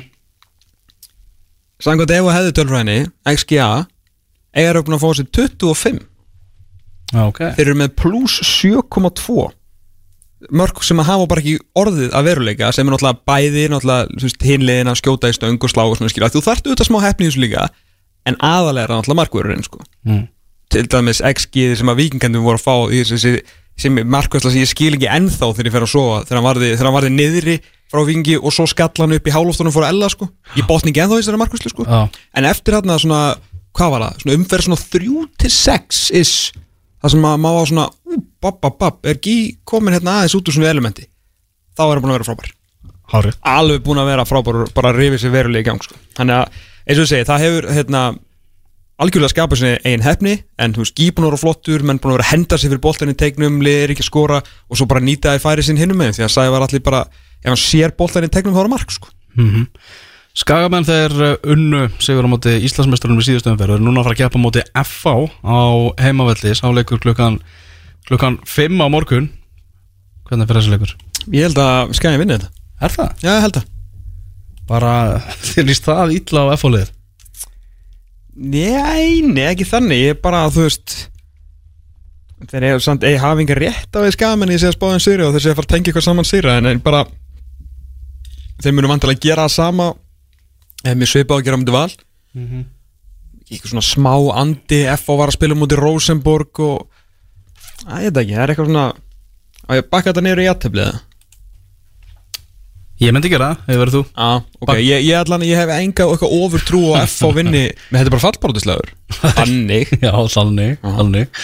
Þeir eru keflaði ykkur að fara að keppa á móti breyðabliki á HS Orku vellinum og við vorum náttúrulega að tala við Krulla Gull hérna áðan og hann var að minnast á það að hann sagði, getur lofa því að það er þeir null vannmat allavega hjá blikum í þessu leik á morgun en það töpuð þeir fyrir þeim keflingingunum í byggatum á þessu velli. já, sem er ekki gott sko. Ég er svolítið pyrraður út í keflingana þar af Því að náttúrulega í Európa-baratunni þá væri mjög fyndið að blikar hefði unni byggarinn sko. Að hérna svona upp á fjölgarsætum í í deildinni Þegar þeir verða alltaf númer 1 eða 2 Ég held að það sé alveg bókað. En keflingar náttúrulega fengu aragrú að færa á móti liðan, hérna á móti breyðabliki í síðastri liði mettust og það var náttúrulega það sem að eh, Höggi kom inn á í viðtalinu að hann saði ekki að keflaði væri gott transitionlið á ástæðalösu það sem að breyðablík náttúrulega vill rosalega mikið vera með boltan og þá sérstaklega á vallarhelmingi anstæðingsins að þegar breyðablík færa hann þá getur það sótt rætt sko. En hvort er, þú veist, sóttu voru frábæri 120 mínútur á móti, móti hérna, breyðablík í byggarnum en síðan áttu þeir valla sko 65 mínútur á móti vikingi þannig að maður veit ekki alveg hvað er eiga eftir á táknum keflíðingarnir en, hérna, en, en ég býst við svona tiltúlega þægilegum, ekki samfærandi en tiltúlega þægilegum sérum hérna breyðablíks mm Þín menn, þeir eiga heimaleikar. Heimalegur á heimavelli Hamingjunar 19.15 annarkvöld Víkingur Reykjavík gegn stjörnunni. Mm. Er Ólusveik að spila líka þessum fyrir það? Nei, þeir eru í fyrstöldinni Já, ok. Þeir eru með í sótkví Já, þeir eru svo Reykjavík, já. Uh, Já, sko, ef við, þetta er náttúrulega bara það Blikarnir eru næstir. Þú veist að blikarnir eru næstir í næstu umferð, sko. Mm. Þannig ef að Víkingandi vilja eiga einhvern svona einhvern smá buffer fyrir þann leik það verður mjög erfiður leikur á kópásvellinum, sko. Að þá er þetta bara þeim skrítið voru að segja að þá er þetta bara leikur sem Víkingur verður að vinna. Og þetta er bara skildu sigur með hvernig stjarnan er búin að búin að spila Já. og ef vikingarnir er alltaf að gera sér gildandi í mestara Európa-barátunni að þá er þetta bara leikur sem verða að vinna. Verða Ég- alltaf að fara að skora eitthvað? Ég held að sko öll liðin sem að hafa fengið skell og tapað á Dómus Nóa vellinum Mm. hafa svarað með sigri í næstu umfyrir Já, frábært, takk fyrir ekkert. En bara stjarnan leit svo skelvilega út þarna á móti, leiknismannum að ég, þetta er bara einn. Ég, bara, það er ekki hægt að setja annað en einn á hana leik.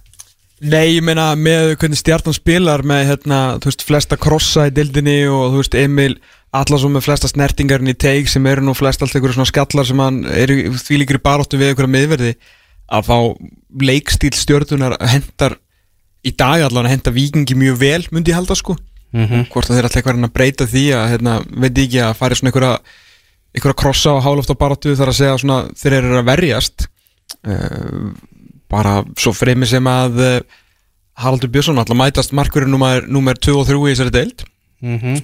uh, og hérna Halli og, og, og Dotti þannig að geti verið svona einhver, einhver bara þeirra, ég meina ef að Halli heldur áfram að loka hann alltaf ást á stjarnan alltaf sen sem er þetta lang, lang besti maðurinn í þessu, þessu fótballtali á þessu tímbili sko. Mhm.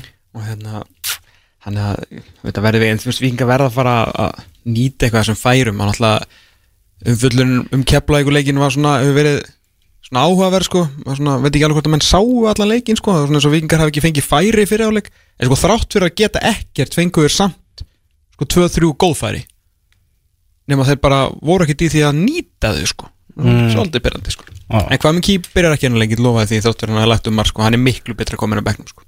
Já, bara fá hann, fá hann inn að að sprengja þetta. Já, Algjörlega.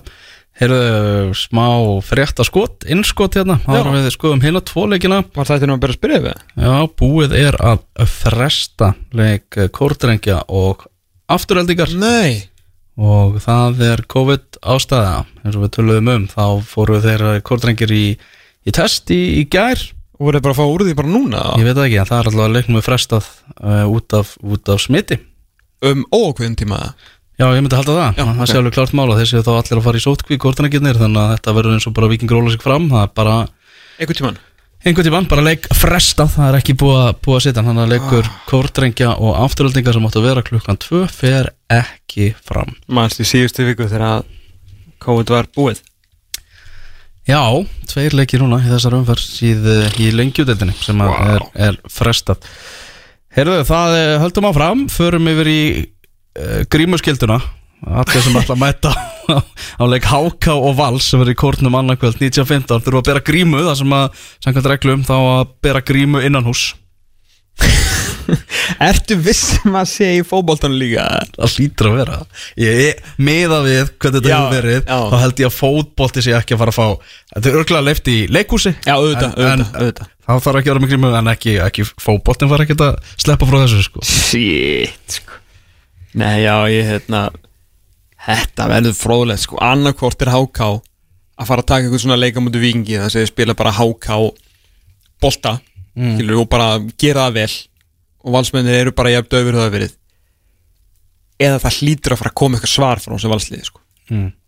Þeir eiga einn valsleik á þessu tímbili það er meira svona valsleik og það er FH mm -hmm. það sem voru geggjaðir annars hefur þetta verið bara að harka og segla Hannes Þór eitthvað, þú veist, Birkir Heimis uh, þú veist, rætta sér á einu marki þú veist, fór stegum út í vikingi út á kæli og sem að smera hann í skeiti, nokkuð svona, svona dæmi sko, og hafa alveg náð með sko kjafti og klóm að bara krabla og skubla þessum stegum einhvern veginn á, á töfluna.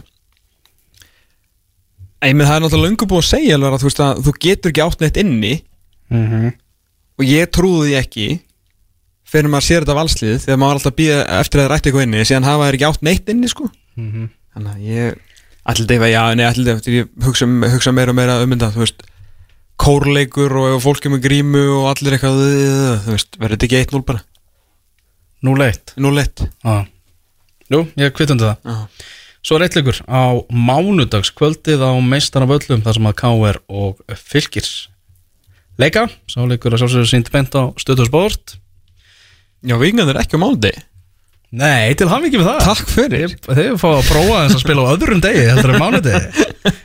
Er á sunnudegi. Ah. Það er þetta fint sko. En þetta verður, Káur lítur að vinna þetta maður. Ekki? Jú, eða ekki?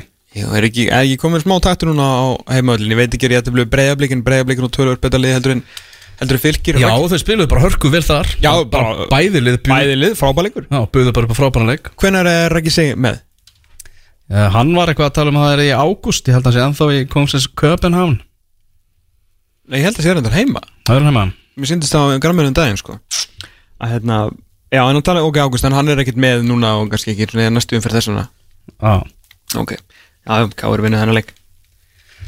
KR vinnur þannig leik, þetta er eh, 14. umferðin í Pepsi Max-tildinni sem að hefst á morgun Ítrekka það að búið er að fresta leik kórtrengi á afturöldingar sem fram átt að fara klukkan 2 átt uppalega frá fram í gær en allir kórtrengir í skimun og svo kemur í ljós að eh, það er smitt innan leikmannahóps kórtrengja þannig að þeir eru á leiðinni í sótkví rétt eins og vikingar frá Ólásvík þannig að þessi veira hún er farin að hafa áhrif á íslenska boltan Uh, höldum áfram með þáttinn. Eftir auknarblik ætlum að kíkja aðeins Erlendis. Það eru fréttir, meðal annars stóra fréttir frá Old Trafford. Uh, og Lukunar Solskjær að, að framlengja í morgun og svo fengur þeir nýjan fótboltakall sem að hefur lengi verið orðað við lið.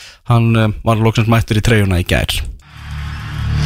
Þú ert að hlusta fókbóti.net á exinu 977 Búið að vera nóg að gera á skrifstofunni hjá Manchester United núna og Lukunar Solskjær eh, stjóri félagsins var að framlengja í morgun samlingsinn til næstu þryggja ára. Tók við þarna um eh, jólin 2018 átján eftir að Mourinho var eh, látin taka pókansinn og eh, þannig að þeir alltaf halda áfram vekkferðinni með Ole Gunnar Solskjær og eh, hann fekk nýjan fótboltakall í sína raðir í gær þegar Jadon Sancho skrifaði loksins undir eh, samning við United og var, var kynntur formlega, er treyju hann með 25 verið að giska á það að hann síðan að leika sér með 2 pluss 5 og verið mættu séðan í sjöuna þegar Cavani vantalega yfirgjur United eftir þetta tímabil. Mm, Já, það sé Ansi líkt, saknaði gamla góða plussins hérna Já, sem að Samorano. Hann og gerði frækt fórðum dag sko. Já, Það var, var helviti kúl nákvæmlega, en þetta er uh, náttúrulega leikmaður sem að gerir stuðningsmenn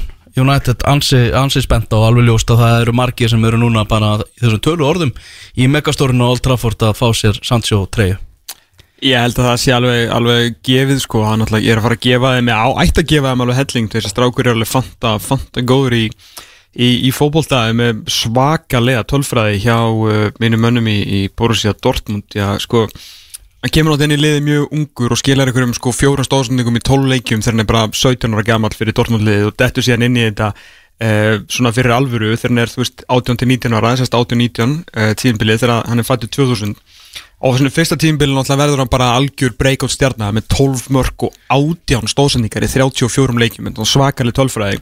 Og ef einhverju menn heldu að það var eitthvað one-off þá bætt hann sko heldur betur í tímbilið eftir það, sem sagt þar síðustu leikti 1920 þegar hann hlóði í sko hvorki meirinni minna en 17 mörg og 17 stóðsendingar í 32 leikjum. Þannig að hann kemur með beinum hætti að 34 mörgum í 32 leikjum. Og svona smá brasa á hann á, síðustu leiktíð og svona eins og hann vildi vera eitthvað annar starran til að byrja með var eitthvað mæt og seint en engur sigur 8 mörg, 12 stóðsendingar kemur á 20 mörgum með beinum hætti í 26 leikjum fyrir Dortmundaliði þar sem að hann var náttúrulega komið annan fótboltakallina með sér sem að svona stað líka svolítið fyrirsögnunum og ger, gerir hlutina mikið sjálfur Elling Braut Holland, hann svolítið bara næri í boltan og svo bara hleypur hann í gegnum henn og, og skorar. Mm -hmm. Sancho er náttúrulega líka samt búin að vera að mata hann vel og... ja, held, heldur betur sko. Þannig að sko þessir 104 leikir í búndislíkunni fyrir utan svona Champions League, ég meina hann er með 11, er semst 11 mörki, er semst skapað 11 mörki 21 leiki Champions League. Uh, hann hefur skapað eh, 90 mörk, uh, neða 89 mörki 104 leikum í búndislíkunni, menn þetta er hann er algjörlega legit leikmaður, það fer ekkert á milli mála. Og þetta er svona alveg eins og maður sagði með Bruno Fernandes sem hann alltaf nánast lagði upp mark með hverja einustu snertingu í portugalsku deildinni. Og þetta alltaf að klýpa aðeins af mm. að hann er að fara í erfiðari deild. Og það er svona vissum að alltaf að Bruno Fernandes myndi gera eitthvað góða hluti fyrir United því að tölfræði var bara svo ævintýrlega ruggluð í Portugal að þráttur hún myndi klýpa sko helmingin af myndi hann samt vera góður sem hann á varð. Þannig að þú klýpa eitthvað aðeins af Sancho bara út af erfiðleikastíðinu á milli búndislíkunar og uh, Premier League. En þá vita allir og séð með ennska landsliðinu þráttur hann ekki verið inn í myndina á EM núna hann er klálega að fara að gefa um eitthvað og ætti líka að taka pressu af Bruno Fernandes uh, sem að heitir sko Bruno Fernandes en ég veit í hvort að við nennum að fara innlega það inn í þjóðuna ég held að fólk Þannig að það, það er, ef ekki bara halda á með Fernandes eða? Jú, algjörlega, það eru nokkur upp sem að þú veist, það er bara leifilegt að beigja þess framhjá. Já, en hann, já Til dæmis er markverðu tóttina mjög skýrt dæmi um það. Hugo Lloris. Já, sem að þetta verður eitthvað jógi Já. eða áleikar sko. Að hérna eins og segja, hann, hann þarf ekki að hann kemur önnur svona stóðsendingavél þannig að, þú veist, ef einhver er kátur með þetta og myndi ég halda að það veri Edison Cavani. Hann geti nú heldur betur uh, farið að gera eitthvað en hann, hann skorar líka Sancho, hann skora meira þegar hann er vinstra megin þegar hann fara að kötta inn á völlin og, og hérna skora að segja sér kannski sjálf verandi, verandi réttfættur. Þannig að þú getur plója á honum bæði hæra og vinstra megin en meiri stóðsningavél, hæra megin, aðeins meiri markavél vinstra megin, skilur Mason Greenwood getur spilað náttúrulega bæði frammi og þarna hæra megin. Þú veist, er náttúrulega að fara með tvo af efnilegustu leikmunum ennsku þjóðurnar eða kannski, má við segja Rassut, er hann ekki ennþá efnilegur,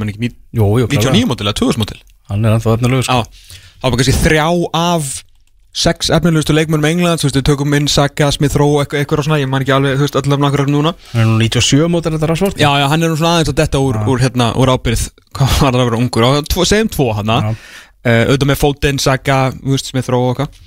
Hérna, þannig að það verður svona, verður líka svolítið fróld að sjá hvernig Mason Greenwood tekur þessu, því að hann var nú nógu lengi að koma sér í gangi eftir, En svo veit maður ekkert með, þú veist, Rashford er hann að fara að byrja þetta tímabil? Það er eins og sé ennþá velta fyrir sér hvort, að- hvort hann bara ætli aðgerð. hvort hann ætli aðgerð eða þú veist hvort hann verður bara kvildur aðeins í upphafi eða maður, Já. það er svolítið svona stór spurningamerki hvernig hann er að fara að staða á nýju tímabili. Ég las hérna áhugaverða svona analytics grein á, á The Athletic um daginn varandi komu Sancho. Og rosa fyndið hérna, ekki fyndið kannski fyrir stundin sem er Manchester United að, eh, sagt, eh, að vera svona að tala um hvernig þú veist, analytics, svona ekki kannski töl, er að tölfræði, svona, þú veist, greiningar eh, eru fattin að hafa meiri áhrif á, á hérna, kaup á leikmönnum Mm. og hérna og hvað svona kaup á hverju leikmanni gefur í stigum og fá Jadon Sancho hann inn uh, er vissulega að fara að bústa United eitthvað aðeins upp um stig en samt ekki einu svona nálagt í að berjast um englansmestratill sem mjög, mjög áhugavert Já. sem að segir svolítið hvað er eftir uh, Rafael Varane, þú veist ef hann er að koma verðist nú eitthvað Real Madrid alltaf núna aðeins að fara að pumpa á, verðist vera. Er sendin tilbúið upp á 40 pluss 5 og nú er sagt að vilja 70 Já, að að búið að reporta þeir bara 45 væri bara verðið en þetta verður svona einhverjar vikur í þetta. Um, og þá var auðvitað, þú veist, ef Varan kemur þá er ennþá líklegri til þess að fara í Champions League þú veist, þá er ég menn það bara læst og eitthvað aðeins nær barátunum um mestardillin en leikmaðurinn sem hefur verið að tala um í analytics heiminum að muni actually gera þá að mestara uh, kandidatum veist, ekki Sancho og ekki Varan og ekki Sancho og Varan heldur Eduardo Camavinga já, af því að sagt, tölfræði, svona tölfræði greinendur Mm. analytics gæðinir heiminum þeir hata McFred það er bara samkvæmt, þú veist, analytics er bara McFred, bara það vestar sem til er sko. Mhm. McTominay og, og Fred sko. þannig að, og Kamavinga er þessast leikmaðurins af því að þeir eru taka hann inn í, inn í dæmið, inn í jöfnuna af því hann hefur verið orðaðið við United að hérna, að það er leikmaðurinn sem mun ekki færa þá af englansmistaratillinum til blandskaski við Sancho og Varan já, samkvæmt götublöðunum í morgun þá eh, fóru fóramenn Manchester United í eitthvað viðræður við umbósmenn Kamavinga okay. sem að gengur vist ekkert allt og vel Ok. og kom, kom, kom ekkert kom eða ekkert út úr og, og sagan segir að Kamavinga vilji helst fara til Spánar, hann vilji fara til Barcelona eða Real Madrid. Ok, ok hann er náttúrulega ungur og, og, og bráðefnilegu leikmaður hjá Renn í Fraklandi En ótrúlega lítið að gerast þegar maður, hérna, ég rúlaði í vikunni, ég hendi svona smá tíströð í, í gær svona þegar ég var að, aðeins að rúla yfir yfir hvað hérna, leikmannamarkaðin allstar á hennum stórkostlega Guardian transferlist. Mm -hmm. uh, náttúrulega það er svo sem allir búin að gleyma held í Konate til Liverpool sem auðvitað mun gera helling fyrir þá en vandar en þá svona fleiri stór kaup þar. Ég held að hljóta allir vera sammála að þið vilja og þurfa á, á hérna manni fyrir, fyrir Gini Van Aldum á að halda eitthvað svona annan mótorhornan miðuna í, í þeim gæðaflokki sem Gini Van Aldum er. Frábær leikmaður. Og sko og fyrir mín og eins og ég skrifaði á Twitter í viðst, hann skilar hann einhverjum 7-9 tölum sem sagt 7 mörgum 9 stóðsendingum auðvitað vilja þær sjá meira en það hafa samt verið töluðarnas Mm -hmm. í gegnum tíðina og meiri sjá mestar árunu en það sem að var að fara að draga af, af honum var, var svo í pressutölum sko, og, veist, að, við- sem sagt að skila því að Leifupól var að vinna boltan ofar á vellinum en það var kannski að harra framar á vellinum. En auðvitað kom það líka inn í bara almenna þreytu hjá Leifupóliðinu eins, og- eins og við sáum en náttúrulega Leifupól með kannski verið aðeins að auðlýsa eftir aðeins meiri hjálparna að fram að við en ættu náttúrulega að fá með guð og góður lukku sérst ég ykkur sjóta þá í nýju mánuði meðist náttúrulega þarna á móndun tímúti á síðustu leiktíð sko. En annars fór lítið að gerast, þú veist, Chelsea náttúrulega ennþá býð eftir að fá hana strækjar, hver sem það verður. Mm -hmm. Tottenham náttúrulega veit eða ekkert í hvort fótinn er að stíga því að það er náttúrulega, þeir fara ekkert í stóru kaupin fyrir að vita hvort að Harry Kane sé verðið ekki. Mm -hmm. City náttúrulega bara sáttir, þeir eru búin að kaupa tvo unga Suður Ameríkumenn, hérna tvo efnilegustu gæðina í Brasilíu og Argentínu Brassin kemur ekki fyrir í janúar þannig að þeir eru náttúrulega sjálfsögur líka bara býð eftir Harry Kane þrátt fyrir allt þetta með hérna þessu samningarnir eða sem sagt dílarnir í Európu í dag eru komin í eitthvað 1,3 eh, sem sagt 1,3 miljard punta rétt tæplega helmingurinn er í League. En það sem er kannski áhugaverst við þetta er í öðru setinu er Bundesliga. Af því að Bundesliga er náttúrulega orðin bara fítir deild sérstaklega fyrir League og, og aðra deildir, þetta er náttúrulega veltan bæði kaup og sölur. Að þarna náttúrulega eru menninir að koma og náttúrulega sáum í fyrra náttúrulega bæði náttúrulega þjóðverðin Chelsea og nú náttúrulega Konati mættu til hérna bæði náttúrulega verið með sko, kaup fyrir 100 miljonir til Liverpool United úr Bundesligunni bæði bara frá Kon í Konati og Jadon Sancho sko. mm -hmm. þarna eru, þarna er verið að búa til leikmennina sko. en það sem er alveg sjokkerandi varandi kaup og sölur og hefur alltaf mikið kannski með það að segja að Barcelona getur ekki alveg gengi frá sínum málum þegar þeir veit ekki alveg íkótt svona fótinu að stíga hvað var þar fjárhæðin að La Liga er ykkur um 120 miljónum evra í veldu og það hefur ekki neitt gerstar það eru engin stór kaup eða stórar, jú það eru ein stór kaup. Það er hérna strákurinn, ég bara búin að gleyma hvað hann heiti frá úti nesi til Allíku Madrid fyrir 30 miljónir uh, evra, uh, evra held í fyrir grann punda. Hmm. that's it sko. Peris er búin að segja hann allar ekki, ekki að kaupa neitt. Þú veist það er engin, það er ekkit eitthvað reisastórt að fara á landi. Menn bara svona er einhvern veginn hjá sínum liðum Sevilla og Villarreal og náttúrulega getur náttúrulega verið að setna farandi tóttunum og svona. En þeir eru svo gjörsamlega búnir að sko jarða einhvern veginn la líka með þessu hérna TV-money mótili þar sem að Barcelona og Real Madrid fæk, þú veist þeir eru að rétti dag núna. Þú veist þeir eru að fara svolítið í vefferna sem sem að Serie A fór í Serie A náttúrulega heldur betur að rétta, rétta sig við, mann alltaf rýbröndu deildina og hérna lögu sjómaspenningana og sjáum það að deildin er bara skemmtileg og ítölsku liðin er að kaupa dýra leikmenn og selja dýra leikmenn og það, veist, hlutin er að gerast í Serie A. Horfa til Íslands. Horfa til Íslands. Á meðan alveg líka bara svo svolítið að drabbast niður af því að liðin eru svo ótrúlega veik fjárháslega eftir öll þessi ár þar sem að Barcelona og Real Madrid fengu bara, bara penningin sko. Já, en það er svona eða stóra sagan fyrst mér á þessum leikmannmarkaði á þessum tímbili það sem hefur ekkert eitthvað ævintilega stórt gerst svona nokkur örfó stórkaup er bara hvað líka er bara bara svona veik. Já, menna Barcelona, þeir eru bara að horfa á sko frí transfer markaðin, sko, algjörlega. Algjörlega. Þannig að, og, já, einu kaupin sem þú talar um með Rodrigo de Paul Rodrigo de Polio Já, og, og stærstu kaup hérna gerum ekki lítið því að David Alaba er, er frábæð leikmaður. Já, já, frítransfer já, já, og Memphis. Og Memphis. Frábæleik maður, en frítransfer frí transfer. Mm. Þannig að, já Þetta er, þetta er virkilega, virkilega áhugavert sem er að gerast í Evrópuboltanum Annars svona kannski af eh, svona fréttum vikunar Eiður Smári, orðaðar við Swansea sem að náttúrulega fóð bara í úsliðarleiku umspilsins í Championship-dildinu á síðasta tímabil Einmitt. og hann var komin hansi hátt þarna á, á lista hjá veðböngum. Já, vísisfréttin var nú eitthvað alveg stórfurðuleg þar sem að ha- hann var ekki, þú veist, að því að hann var sko hvað í fjórðarsætið ekki? Já, eitthvað þannig en þú veist, já, það var hérna Það var bara alveg raunhæfur bara stöðu til það Já, hann var bara eitthvað 11 á móti einum á eftir, þú veist, þremur líklegustu mönnum í starfið. Og og, hann var fyrir ofan Chris Wilder, Frank Lampard og Eddie Howe. Já, og svona gerist ekkert bara upp úr þurru sko. Nei, Það ég, ég, ég sendi á hann SMS eitthvað sendi á hann screenshot að þessu. Hvað, kallin og leiðin til Swansea.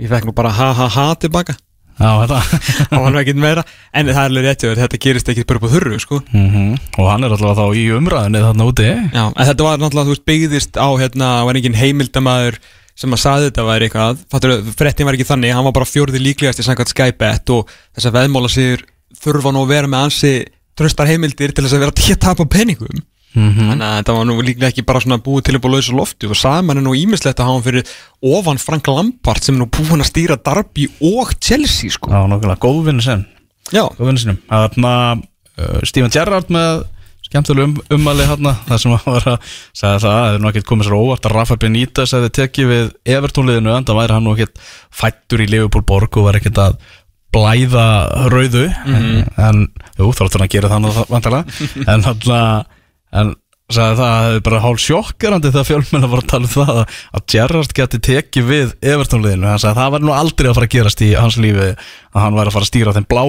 í, í Leopoldborg sko. Já, það er, þetta var eitthvað Ef þú þurfti Leifupúl stuðnismenn nær og fjær þá kannski sérstaklega í Íslandi þurfti að heyra eitthvað inn í COVID og, og, og grá mikluna á þessu landi þá var það þetta að vita Steven Gerrard er og verður alltaf Steven Gerrard sko. Já, er Everton FC sko Hvernig fyrir Premier League að stað? Herru, það er 13. ágúst, það er hérna, eh, nei fyrir ekki 12. ágúst á förstu deginum uh, Þá er hérna Brentford Arsenal, áhugaverður uppáfsleikur, uh, nýlegaðin í Brentford Búin að kaupa Kristoffer Ægir með hérna kaup þar Ég er rosalega spenntur fyrir Brentford, geggja konsept þetta analytics model sko sem er náttúrulega mikill kanni og mikill svona moneyball áhuga maður og hérna þetta verður mjög, mjög skemmtilegt og verður gaman að hérna í vetrafríinu að reyna að fá að fara með freysa þarna því hann náttúrulega er nú öllum hlutum kunnugur hjá Midtjúland og, og Brentford það ekki nú menna það mhm, ekki að ég segja að hann verður eitthvað með okkur bara þú veist, verður gaman að geta að fara með hann og að fara smá nákvæmlega að hérna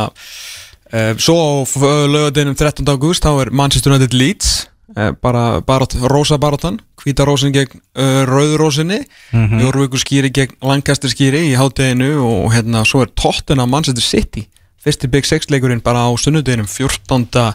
ágúst hvorki meirinn að minna sko. Já, þetta er bara handan við hótnið sko. þetta er bara handa við hátnið sko.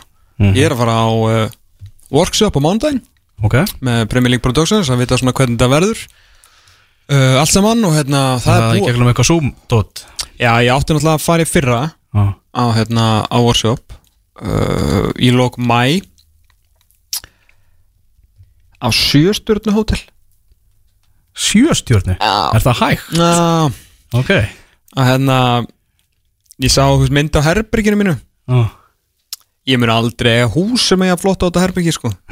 En síðan alltaf kom COVID þannig að þetta var bara gett online og COVID skemmir allt. Já, þannig að nú er ég aftur að fara á online, online workshop Þannig að við fáum svona að vita hvernig landið mun liggja í svolítið saman. En það er búið að segja hérna ég má panta á leikina núna Og við allan stefnum með guð og guður lukku að því að vera á Tottenham Manchester City og vonandi United Leeds Það er allan draumurinn að taka alvöru fyrstuhelgi en, en það bara flýgur engin element til Manchester. Það er bara svo leys Það er nefnilega út af sollu.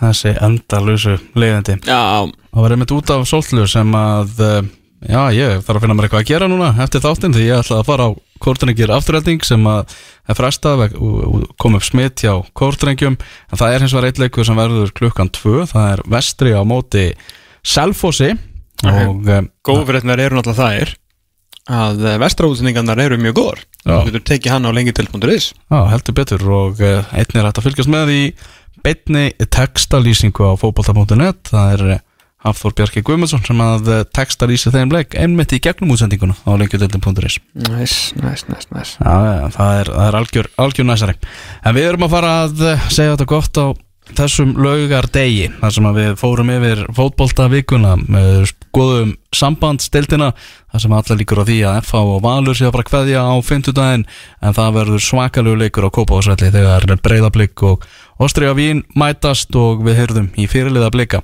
Höskuldur Gunnlaugsson sá afar skemmtilegi strákur var hérna á línunni og, og spjallaði við okkur sagði okkur frá ferðalæginu þarna til Vínar borgar og uh, hann var bara drullu stoltur af, af liðinu og skiljanlega eins og hann sagði þeir voru hugrakir hugaðir í, í þessum leik. Í, í, í Vínaborg náðu flottum úslitum í stórskemmtulegum fótballtaleik og ég held að það verði mikil skemmtun á Kópavásvelli á fyndan Já, því miður bara 400 manns líklega sem ég að mæta mögulega 600 er verða í stúkunni hinum megin en það er allan að vonandi að já, það verði fullt til capacity á á Kópásvellinum á, 15 því að með við hennan fyrirleika ég að blikandi það svo sannarlega skilið mm -hmm.